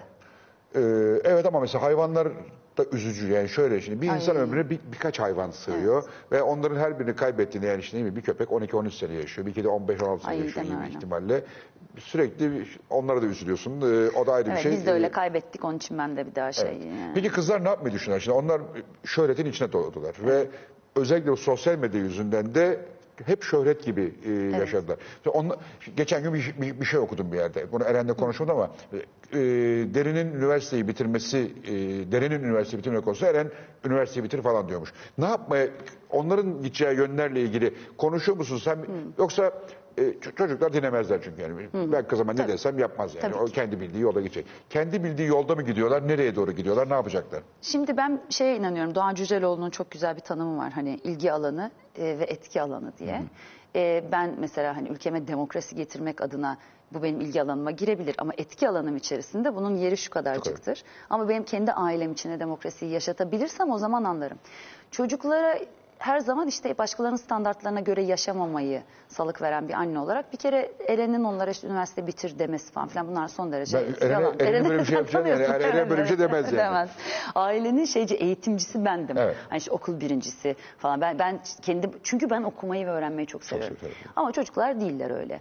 Şimdi öyle olmayan birisini buna zorlamanın eğitim hayatınızda büyük yanlışlar olduğuna inanıyorum. 18 yaşında daha hayatında ne yapacağına karar verememiş bir genç insanın Tercih yap. şimdiden Onu- tercih yap bu kadar senede bunu okudun diye şimdi sen artık doktor olmalısına zorlanması e, insanları mutsuzluğa e, bir takım hatta işsizliğe sevk eden bir sistem Aynen. diye düşünüyorum. Ben, benim şimdiki düşünceme göre mesela ben çünkü üniversiteyi 30 yaşında bitirdim. Biliyorum. E, sen hatırlıyorsun. Başlamıştım, tekrar bıraktım geri döndüm. dondurdun, geri döndün. Annem için geri döndüm. E, çünkü o dönem ben haberdeyken ha defne Tarih mi okumuşsun? Sen ne okumuşsun? Tarih mi okumuşsun? business okudum ama kimyadan baş. E, Ha, ya tamam, endüstri tamam. ben ben niye endüstri mühendisi olayım ki mesela? Hani ben de Bu endüstri şahane mühendisi olabilirsin aslında. Ama mesela neden olduğunu bilmeyerek girmek istedim Çünkü ben akıllı ve zeki çocuktun, parlak talebeydin, Evet. Bu yüksek ancak puanlı sen- bir yere evet, girmen e, lazımdı, orayı tercih ettin. Ama bunun bir adım ötesinde ben hayatımda kendimi nerede görmek istiyorum diye hayal ettiğim şeyi soracak olursa sadece sahne. Sahne. Evet ama aileden öyle bir dolduruş gelmiş ki bir altın bileziğin olması lazım. E ben o altın bileziği Ya aslında belki yüreğimden- konservatuar etmen lazım senin. çok istedim. Derslerin kötü olsaydı olurdu dediler. Ama ben yüreğimden coşarak istediğim şeyi zaten yapamayacaksam. e, o zaman hiçbir anlamı yok ki. Ben sonra okulu bıraktım, televizyonu buldum kendime şahane. İşte insanlar benim haberciliğimi eleştirmek istedikleri zaman bir yerden bir şey söyle ama işte üniversite diploması bile yok demeye başladıkları zaman annemin ağrına gitti. Sırf onu mutlu edeyim diye döndüm ve çok zevk aldım. Uluslararası hukuk falan okumaya başlarken 30 yaşında dedim ki demek bu üniversitenin zamanı belki de buymuş. Yani ilgi alanlarını keşfedip ondan sonra Ondan sonra. ilgilendiğin alanda ben bu olmak istiyorum ve işte bunu öğrenmek istiyorum dediğin zaman hoca sana bulunmaz bir nimet oluyor. Çünkü bir yandan işimle de alakalı siyaset bilimi okumak istiyorum o dönem. Çünkü politikaya çok merakım Meraklısın. var falan. E, bir, bir anda o bana bir şahane geldi. Okulda olmak ne güzel bir şeymiş oldum. Ondan öncesi biraz daha şeydi.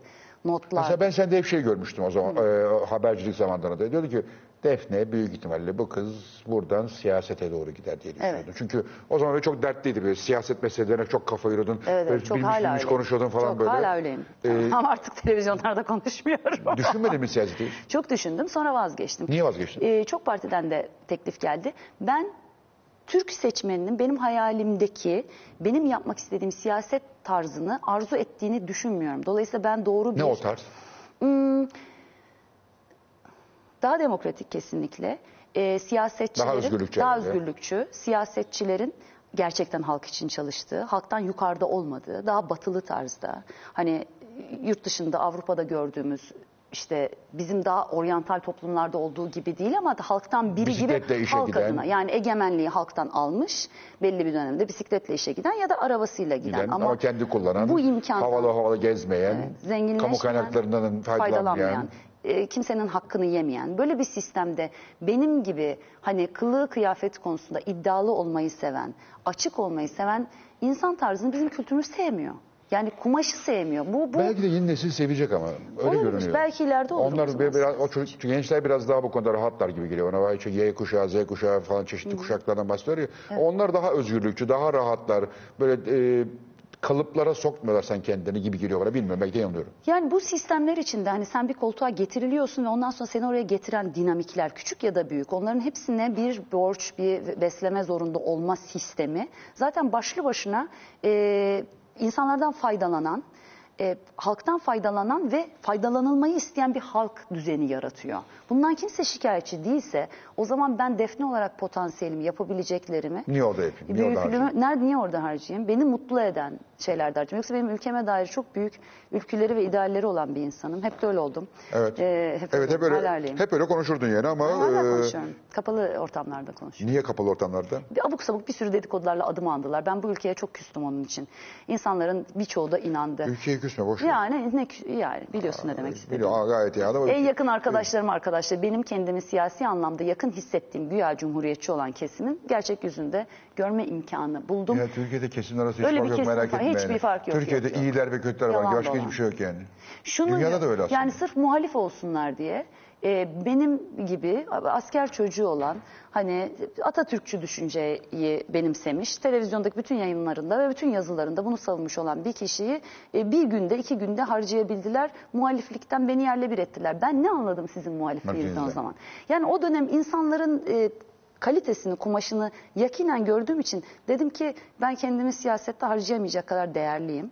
Onun İyi. için hayattan ben ne Doğru istiyorsam o. söylüyorsun ama e, böyle yapmak lazım yani kalite, kalite siyasette kalite olmasını istiyorsak siyasete kalite insan olması lazım. Bir ara vereceğim. Tamam. Sonra gitme. E, niye gitme? Hazır Amani gelecek buraya. E, yemek yapmaya Yemek mi? Ha, tamam. Yemek mi yapacak? Yemek, ha, yemek yapmayacak bize yemek anlatacak bize. Anlatacak. E, nasıl mutlu yemekte İyi- iyi- iyi yapıyor musun? Ee, Pek zannetmiyorum yok, ama. Evet. Hayır, hayır. Ama ölmüyorum yani. Yani aç çünkü, kalmıyorum. çünkü Eren, Kendime Eren zavallı böyle bir sıskaydı hep. e, Yani. Yemekleri o yapardı. Biliyorum canım. Ben yemek pişiren erkek severim. Evet. Ben de pişiriyorum. İşimiz Ben de yemek seviyorum. pişirmek. Hadi bakalım. Ee, bir kısa ara sonra Hazar Amani. Sayın Amani hoş geldiniz. Hoş bulduk. Nasılsınız iyi misiniz? Gayet iyi sizler. Ben de gayet iyi gördüm ee, sizi. Çok da renkli gördüm. Biraz öyle seviyorum ben giyinmeyi. Onu da onu da farkındayım. Ee, daha doğrusu şöyle size baktığımda şunu görüyorum. Hayatı seven bir tip gibi geliyorsunuz. Öyle mi?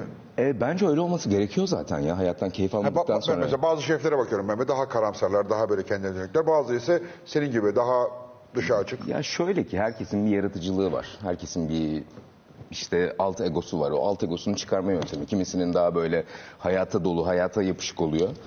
E, kimisinin de karamsarlıktan geliyor.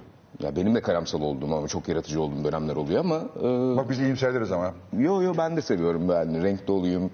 e, keyif alayım hayattan.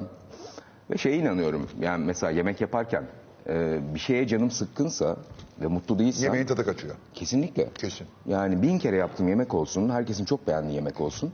Eğer mutlu değilsem ben yapamıyorum onu. Ee, hemen o zaman yemek konusuna gelelim. Olur. Nereden geldi yemek merakı? Nereden geldi? Ben e, ufakken bir kere biraz tombik bir çocuktum. Ortaokul arkadaşlarım falan bilir hatta. E, lisedeyken biraz zayıfladım. Ve e, evde benden yemek kaçırırlardı. Yani, Ha. Yani- Oburdun yani. Oburdum canım yani liseden dö- şey e, ortaokuldan dönerdim. O da eve. obur. Öyle mi? Evet ben yani güzel yemeğe asla karşılayamam. Ya ortaokuldan işte çıkardın. E, Ankara Koleji'nden bir de Maltepe'de oturuyorum o zaman. Ha, sen de Ondan Ankaralısın. sonra- Ben de Ankaralıyım. Bu akşam Ankara'dan açılış şansımız. Sen de mi Ankaralısın? Hayır. Değil. Gülseren Ankara'da. Onu biliyordum zaten. Oğluyla aynı okuldanız zaten. ha. Ee, neyse. Hangi okul TED mi? TED. Ankara'da herkes TED'li zaten niyeyse. Ya yılda 800 tane mezun veriyor.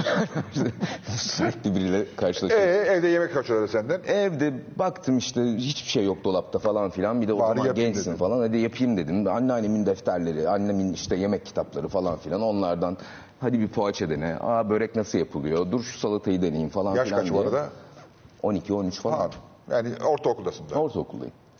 Ondan sonra o böyle baktım aa güzel de yapıyorum. Devam ettim o e, yemek yapma olayına. Sonra arkadaşlarımı çağırmaya başladım. Okul çıkışı hadi, Hadi bize size gidelim. yemek yapayım. Gel işte o zamanlar Commodore vardı. Böyle kasetlerle falan Commodore oynardık. Commodore bilgisayar. bilmem ne. Ee, hadi gelin işte oyun oynayalım bir yandan ben size yemek yapayım falan. Sonra öyle öyle. O, yaşlarda davetler en iyi yaptığın yemek hangisiydi? makarna. Herhalde herkesin Evet. başladığı herkesin şeydir makarnadır böyle yani değişik değişik soslar deniyordum ediyordum. Çoğu da kötü oluyordu eminim ama yani millet bayıla bayıla O yaşta yiyordu. yenir ama. Yeniyor yeniyor. Bir de içine biraz sosis mosis attın mı her, her makarna tabii, gider. tabii ki yani. Sosisini neyin içine koysan. Ya değil mi? Tabii. Sever misin? Çok. Bayılırım. Yani e, şey işte hani guilty Muam- pleasures deniliyor çok severim ya. sosisi yani. Pata- patates Güzelini. kızartması. Güzelini tabii. Yani şu Güzelini. şeyde satanları e, markette sosis Yok, diye. yok, o- İyisini. Ama o zaman onu da seviyorduk gerçi yani. Evet, o yaşta onu da seviyorsun. Evet. Son- sonradan damak zamanla gelişiyor değil mi? Ya mutlaka. Mesela ben çocukken bamya sevmedim. Şimdi bamyaya bayılıyorum. Ben ben bamya çocukken de severdim. Şimdi çok çok seviyorum ama eskiden böyle bamya aramazdım. Yani abi bamya olsa da yesek demezdim ama şimdi kesinlikle yani. Peki en iyi yaptığın yemek hangisi? En iyi yaptığım yemek o kadar değişiyor ki. Yani e, ya ben Ya da yapmayı en sevdiğin yemek? çeşitliliğine, mutfak çeşitliliğine çok inanıyorum. Yani dünyanın her yerinden yemekler yaptım. Zaten yani 280 bölüm çektim. İşte gezdiğim veya işte olduğum e, ülkelerin yemekleri veya işte ne bileyim eğitimini aldığım ülkelerin yemeklerini yaptım. E, en sevdiklerim de yani yapmayı en sevdiklerim muhtemelen en beğendiklerim. Onlar da genelde Güneydoğu Asya, Kore olsun, Tayland olsun Uzak doğu yani. veya işte Güney Amerika. Peki ben bir araya girebilir miyim? Tabii, lütfen. Çünkü bizim yolumuz Azer'le kesişti. Benim Nerede? en sevdiğim e, kulübüm Alança'nın meşhur şefiydi. Şefiydi, evet. Ben orada sahneye çıkarken ben de et yemeklerini çok seviyordum. yani o çok özellikle bunu söylemek istiyorum. Yemek yapmayan birisi olarak. E, ama benim için eli lezzetli derler. Bunu söyleyerek sizi baş başa bırakmak istiyorum. Ay, çok teşekkür ederim. geldin. Çok teşekkür ederim. ediyoruz. Sağ ol Vallahi Fatih'cim. iyi ki geldin. Hazer'cim, ben de çok Ee, mutlu oldum. Programımıza hem e, güzellik kattın e, hem de varlığında ayrıca da e, çok şey kattığını e, söylemeliyim ama dediğin gibi e, sana çok kızıyorum. Yaşlanmaman beni delirtiyor. Böyle kızgınlık can kurban demek istiyorum. Öpüyoruz seni. çok teşekkürler. Görüşmek üzere. Sevgiler. Sağ olasın. İyi akşamlar. Evet Defne Sami'ne uğradık. Şimdi biz artık arkasından konuşabiliriz. Ee, peki Hazar şimdi bir yandan da sende bir İranlılık da var. Evet, babam İranlı. Baban İranlı. Ee, İran mutfağıyla bir ilişkin var mı ya da orayı seviyor musun? Çünkü İran mutfağı da enteresandır. Özellikle görsel çok kuvvetli bir mutfaktır. Var mı bir ilişkin? Ya şöyle tabii ki ilişkim var yani onlarla büyüdüm. Ee, annem e, gerek işte orada bulunduğu zamandaki öğrendiği yemekler, gerek halamların yaptığı yemekler veya benim işte e, kimi zaman İran'a gittiğim yemekler onlarla ve Türk mutfağıyla büyüdüm. Ee, o yüzden tabii ki yeri çok büyük bende. Ee, hatta yani İran pilavı yapmayı en sevdiğim şeylerden bir tanesidir. Ee, bayağı da farklı farklı Safranlı modellerini pilavı. yapıyorum. İlla safranlı olması gerekmiyor. Gerekmiyor. Yani çeşit, o kadar çok O kadar çok var pilav ki. var, evet. Sadece biraz farklı bir pişirme yöntemi var. Ee, ve çok da severim İran mutfağını ama işte ne yazık ki dünyada Türk mutfağı gibi işte Anadolu mutfağı gibi çok fazla kendini tanıtabilen bir mutfak değil. Ama sanki dünyada Türk mutfağının bazı taraflarına yönelik bir ilgi artıyormuş gibi bir hisse var, his var bende. Mesela yani Mesela işte Londra'da kebap pideciler falan Ha, çıkmaya evet, başladı. evet. Ee, döner artık gerçi o German döner oldu ama döner dünyayı dolaşıyor artık. Ee, ama özellikle pide mide tarafları yükseliyor. Kebap ve pide tarafları yükseliyor Ya gibi ben bana ama- açıkçası Anadolu mutfağı dediğimiz zaman biraz da böyle e, ne bileyim bir e, elbesan tava, ondan Tencere sonra yemekleri. tencere yemekleri bunların birazcık daha o ön plana Onlar da çıkmasını zor tabii. istiyorum. Avrupa'da zor onlar. E, zor ama yani çok da lezzetliler. Muazzam Yani lezzetli. ben açıkçası işte Türkiye'de yemeğin başkenti dediğiniz zaman Antep deniyor ya genelde ki ben katılıyorum buna. Ama ben Antep'te gidip kebap veya baklava yemiyorum. Antep'te gidip oranın tencere yemeklerini Tencere yemekleri seviyorum. var tabii. Yani çok daha iyiler, o kadar iyiler ki. Ee, ama insanlar işte gidip farklı o kültürlerden gelmiş işte ne bileyim kebabı tercih ediyor oraya gittiğinde. Yani bence öyle değil. Bence de öyle değil. Peki şimdi benim bir sürü tanıdığım dünya çapında büyük şef vardır e, çeşitli ülkelerde. Bunların hepsinin bir ortak özelliği var. Dünyayı gezerler.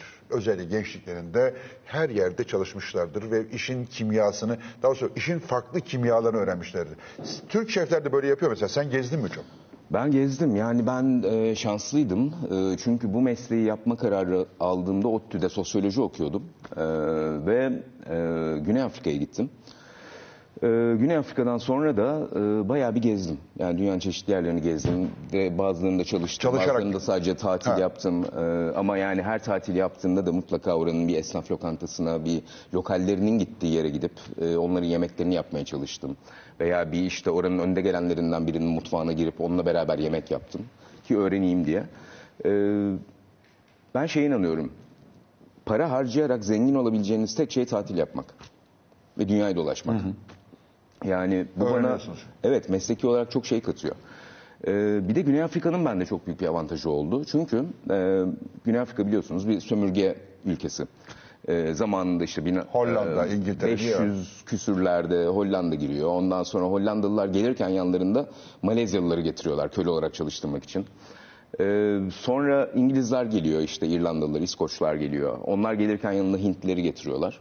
İnanılmaz bir Malezya, Hindistan e, nüfusu var ve e, bir anda Güney Afrika'ya gidince oradaki zaten siyahiler, ee, onun üstüne işte Hollanda mutfağı, Dutch mutfağı, e, onun üstüne Malezya mutfağı, onun üstüne işte e, İngiliz mutfağı, Hint mutfağı derken Zaten ben bayağı vardı. bir mutfağa zaten Türk ve İran mutfağına birazcık hakim gittim. E, Cordon Bleu okuduğum için de Fransız e, ekolünden Paris Cordon Bleu'den mi mezunsun? Yok hayır Güney Afrika'da Cape Güney Afrika, Town'da ha, Cape Cordon Town. Bleu'den mezunum. Ee, o yüzden bayağı bir şey kattı bana. Yani işte İrlandalı şefimde olduğu, beraber çalıştığım, Malezya kökenli şefimde olduğu, Afrikalı şefimde oldu. Ee, ya bunların hepsi aslında o kültürlerin hepsi farklı pişirme teknikleri gösterdi bana. Farklı ürünler gösterdi. E, Afrika zaten e, ürün olarak Çok e, zengin. çok zengin. Ee, yani et kalitesi olsun, e, meyve sebze kalitesi olsun çok çok iyi. E, onların hepsi birleşince de bayağı bir şey kattı oraya gitmek. Peki Türkiye'de bu kalite nasıl? Mesela ben Türkiye'de e, baktığın zaman yani şöyle baktığın zaman elbette ki sizin gibi bir mutfak profesyoneli gözüyle bakmıyor ama şimdi Fransa'da bir markete girdiğin zaman yemek reyonuna girdiğin zaman 5000 çeşit sos, 3 200 çeşit un, işte ne bileyim e, kremaların envai çeşidi. İşte Türkiye'de bu zenginlik yok. Ee, bir yandan yok bir yandan var. Nasıl yani var? şöyle e, belki evet belki beş çeşit krema yok. Bir çeşit krema var. Ee, işte double tick, e, ekstra işte yoğun falan Şimdi filan o kremalar yok. aynen.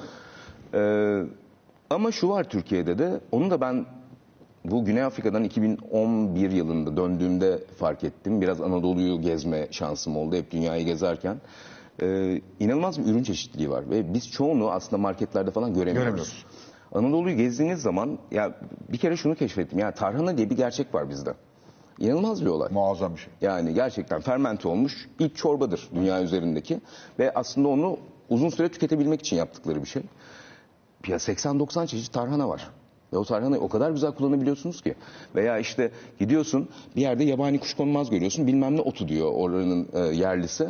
Bir bakıyorsun yabani kuşkonmaz ve inanılmaz lezzetli. Ama işte bir bulduğunu bir daha bulamayabiliyorsun. Evet öyle bir gerçek de Yani öyle bir sıkıntı var ki. Türkiye'de yani. Evet. Aa bu şahane diyorsun. Aynı üretici seneye diyor ki abi bu sene çıkmadı veya bu sene ona ekmedim diyor. Yani bunu mesela Fransa'da biliyorsun ya ona gidersen o adam bunu ekecek. E adam Ama galiba sektörlerin de sıkıntısı var. Yani mesela, ne bileyim e, market zincirleri veya işte e, manavlar herhalde onlarda da bir tutarsızlık var ki o adam onu o adama ya sen bunu ek ben bunu alacağım demiyorlar herhalde.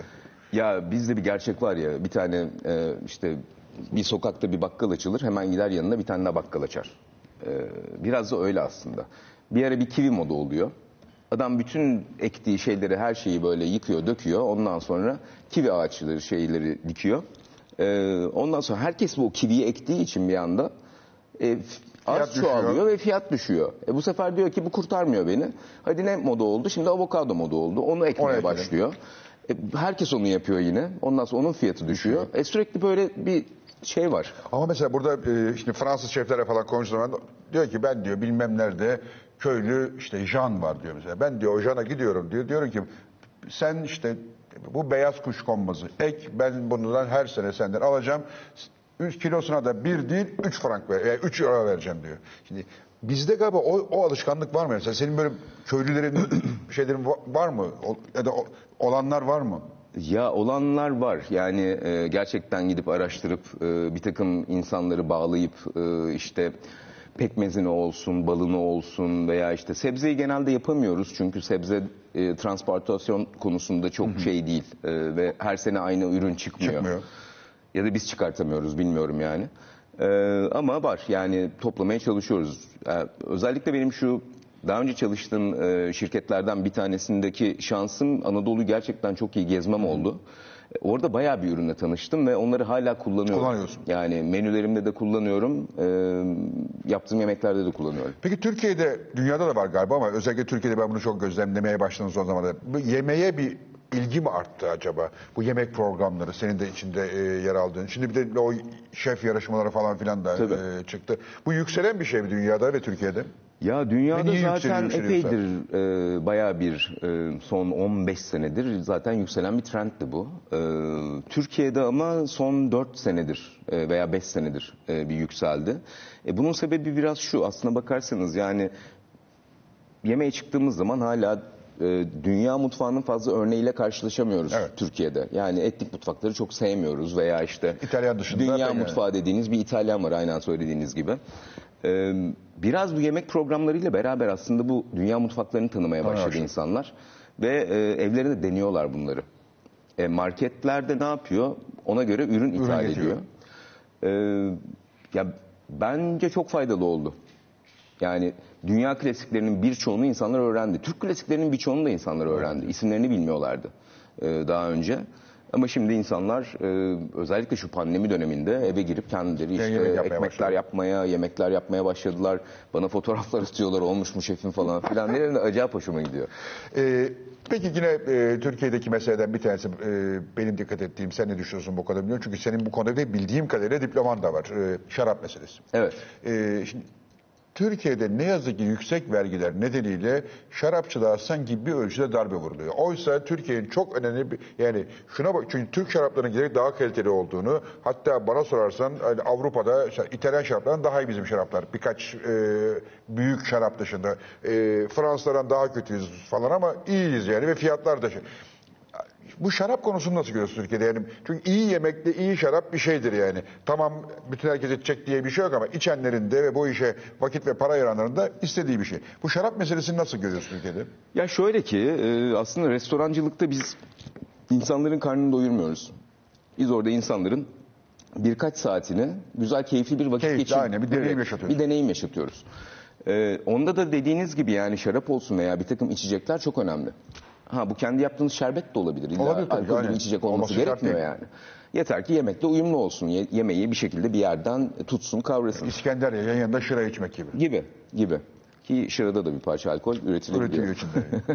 Yüzde üç kadar bir, oluyor. bir parça varmış. Ee, o yüzden yani bu yüksek vergilerin ben sadece Türk mutfağını e, yeteri kadar tanıtılmadığını yani şöyle ki e, ya bir yere gittiğiniz zaman benim atıyorum iki tane restoranım alkolsüz bir tanesi alkollü. Birinde geliyor insanlar yemeğini yiyor afiyet olsun diyorsun kalkıyor gidiyor. Yarım saat 40 dakika zaman harcıyor ama diğerinde geliyor sohbet ediyor. Ondan sonra müziğini dinliyor. Bir yandan işte devam ediyor bir şeyler içmeye, etmeye. Ee, yemeğini yerken diyor ki ya bir tane de şu başlangıçtan alalım falan filan diyor. Daha uzun oturuyor. Daha fazla zaman geçiriyor. Ee, ya bunun olmasını sağlamamız lazım. Bu da bence bir takım teşviklerle olur anca. Ee, ki Teşvik olarak köstek var. Köstek var evet yani şarap üretiminde hatta yani şöyle şeyler biliyorum ben Elazığ'da bir takım şarap üreticilerinin özellikle e, tarlalarına direkt, direkt şeye satmıyor. yok tarlalarına özellikle hayvanlarını sokuyorlar ki bağları mahvetsin diye. Oo. Tabii tabii ben bunu birebir e, üreticiden biliyorum. Oo. O iyice e, kötüymüş. İçim sıkıldı valla.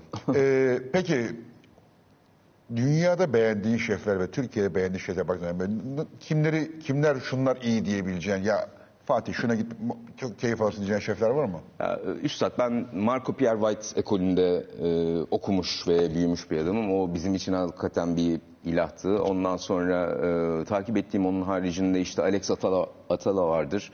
E, Brezilya'nın gerçekten altın çocuğu artık pek çocuk değil ama o da e, bir punk rock grubu kurmak için Londra'ya gidiyor. Ondan sonra orada bulaşıkhanede çalışmaya başlıyor.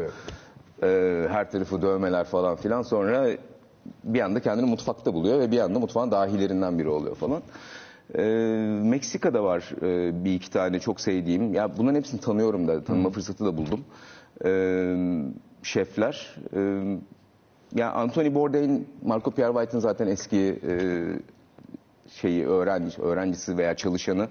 E, sonraki bambaşka bir yola gitti. E, ve yani benim hayat olarak örnek aldığım insanlardan biridir. E, rahmetli.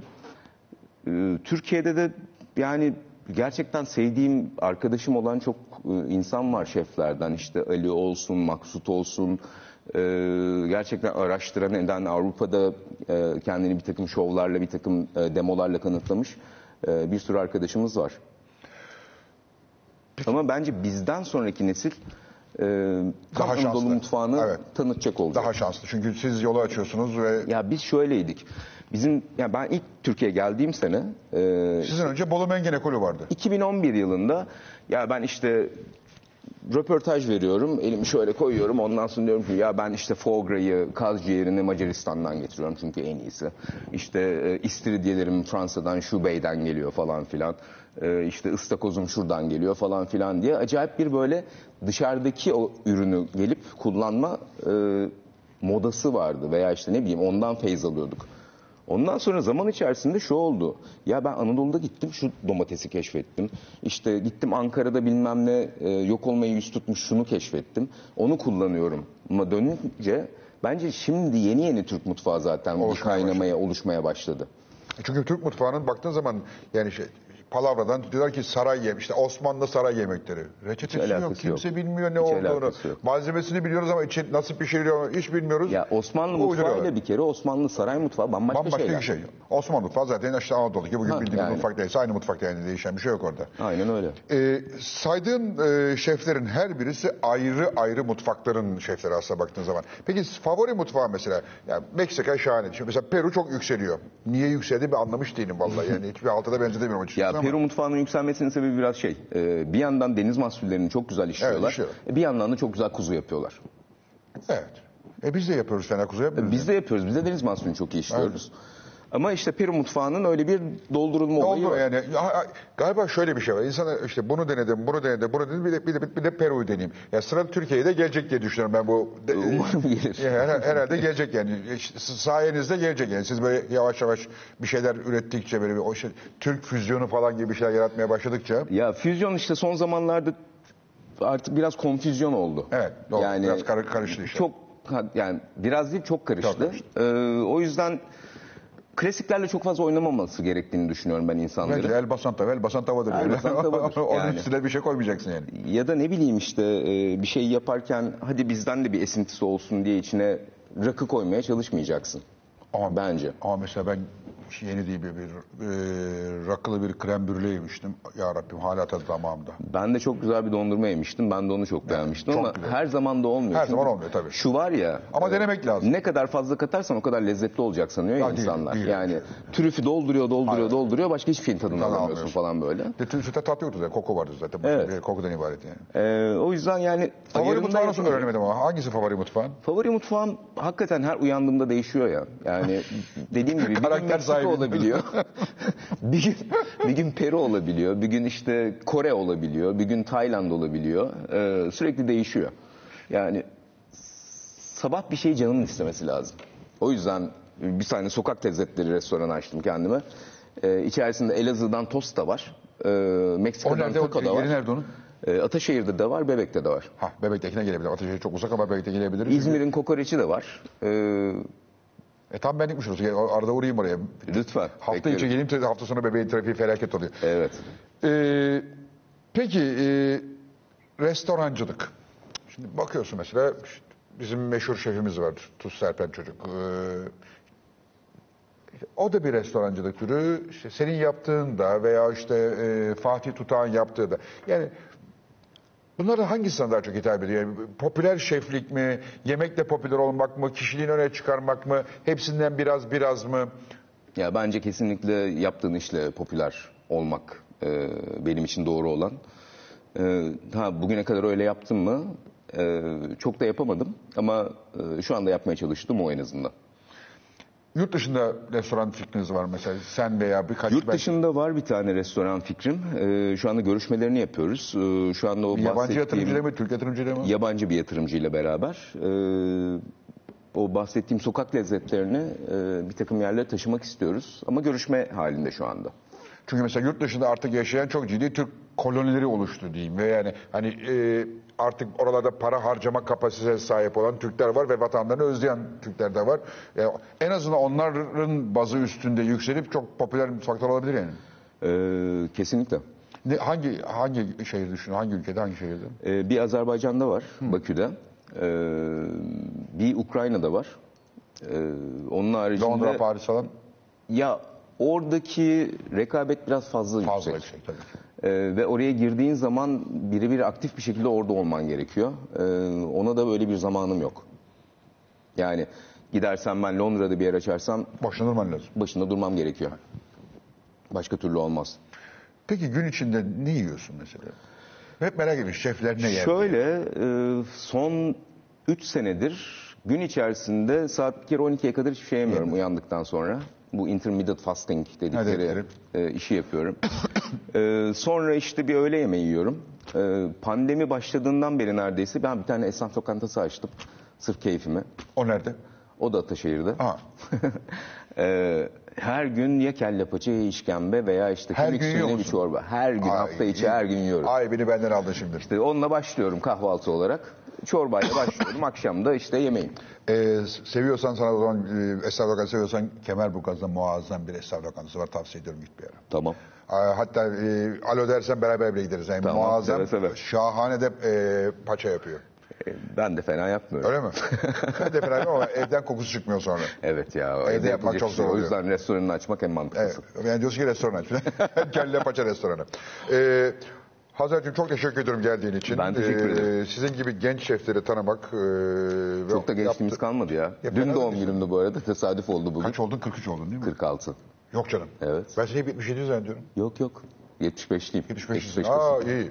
E, fena e, genç sayılırsın yine canım. Ee, yani hakikaten hoşuma gidiyor bu yaptığınız işler. Ee, işte Mehmet Gürsün olsun, Can Oban'ın olsun, sen ol, Fatih Tutak olsun. Hepinizin e, adınız burada şimdi unuttuğum başkaları da var.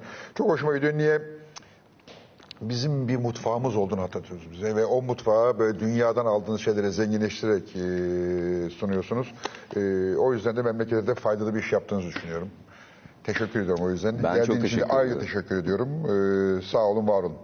Değerli bu akşamı da e, noktaladık. E, çok sevdiğim bir e, şef, e, çok değerli bir e, psikiyatr yazar ve e, çok başarılı e, yılların e, arkadaşı, dostu e, Defne Samir ile karşınızdaydık. Haftaya çarşamba yine burada olacağız. E, çok sürpriz bir konuğum var e, haftaya. İnşallah e, bir sıkıntı olmazsa burada olacak. Sizi çok şaşıracak ve çok seveceksiniz. Haftaya görüşmek üzere. Hoşçakalın.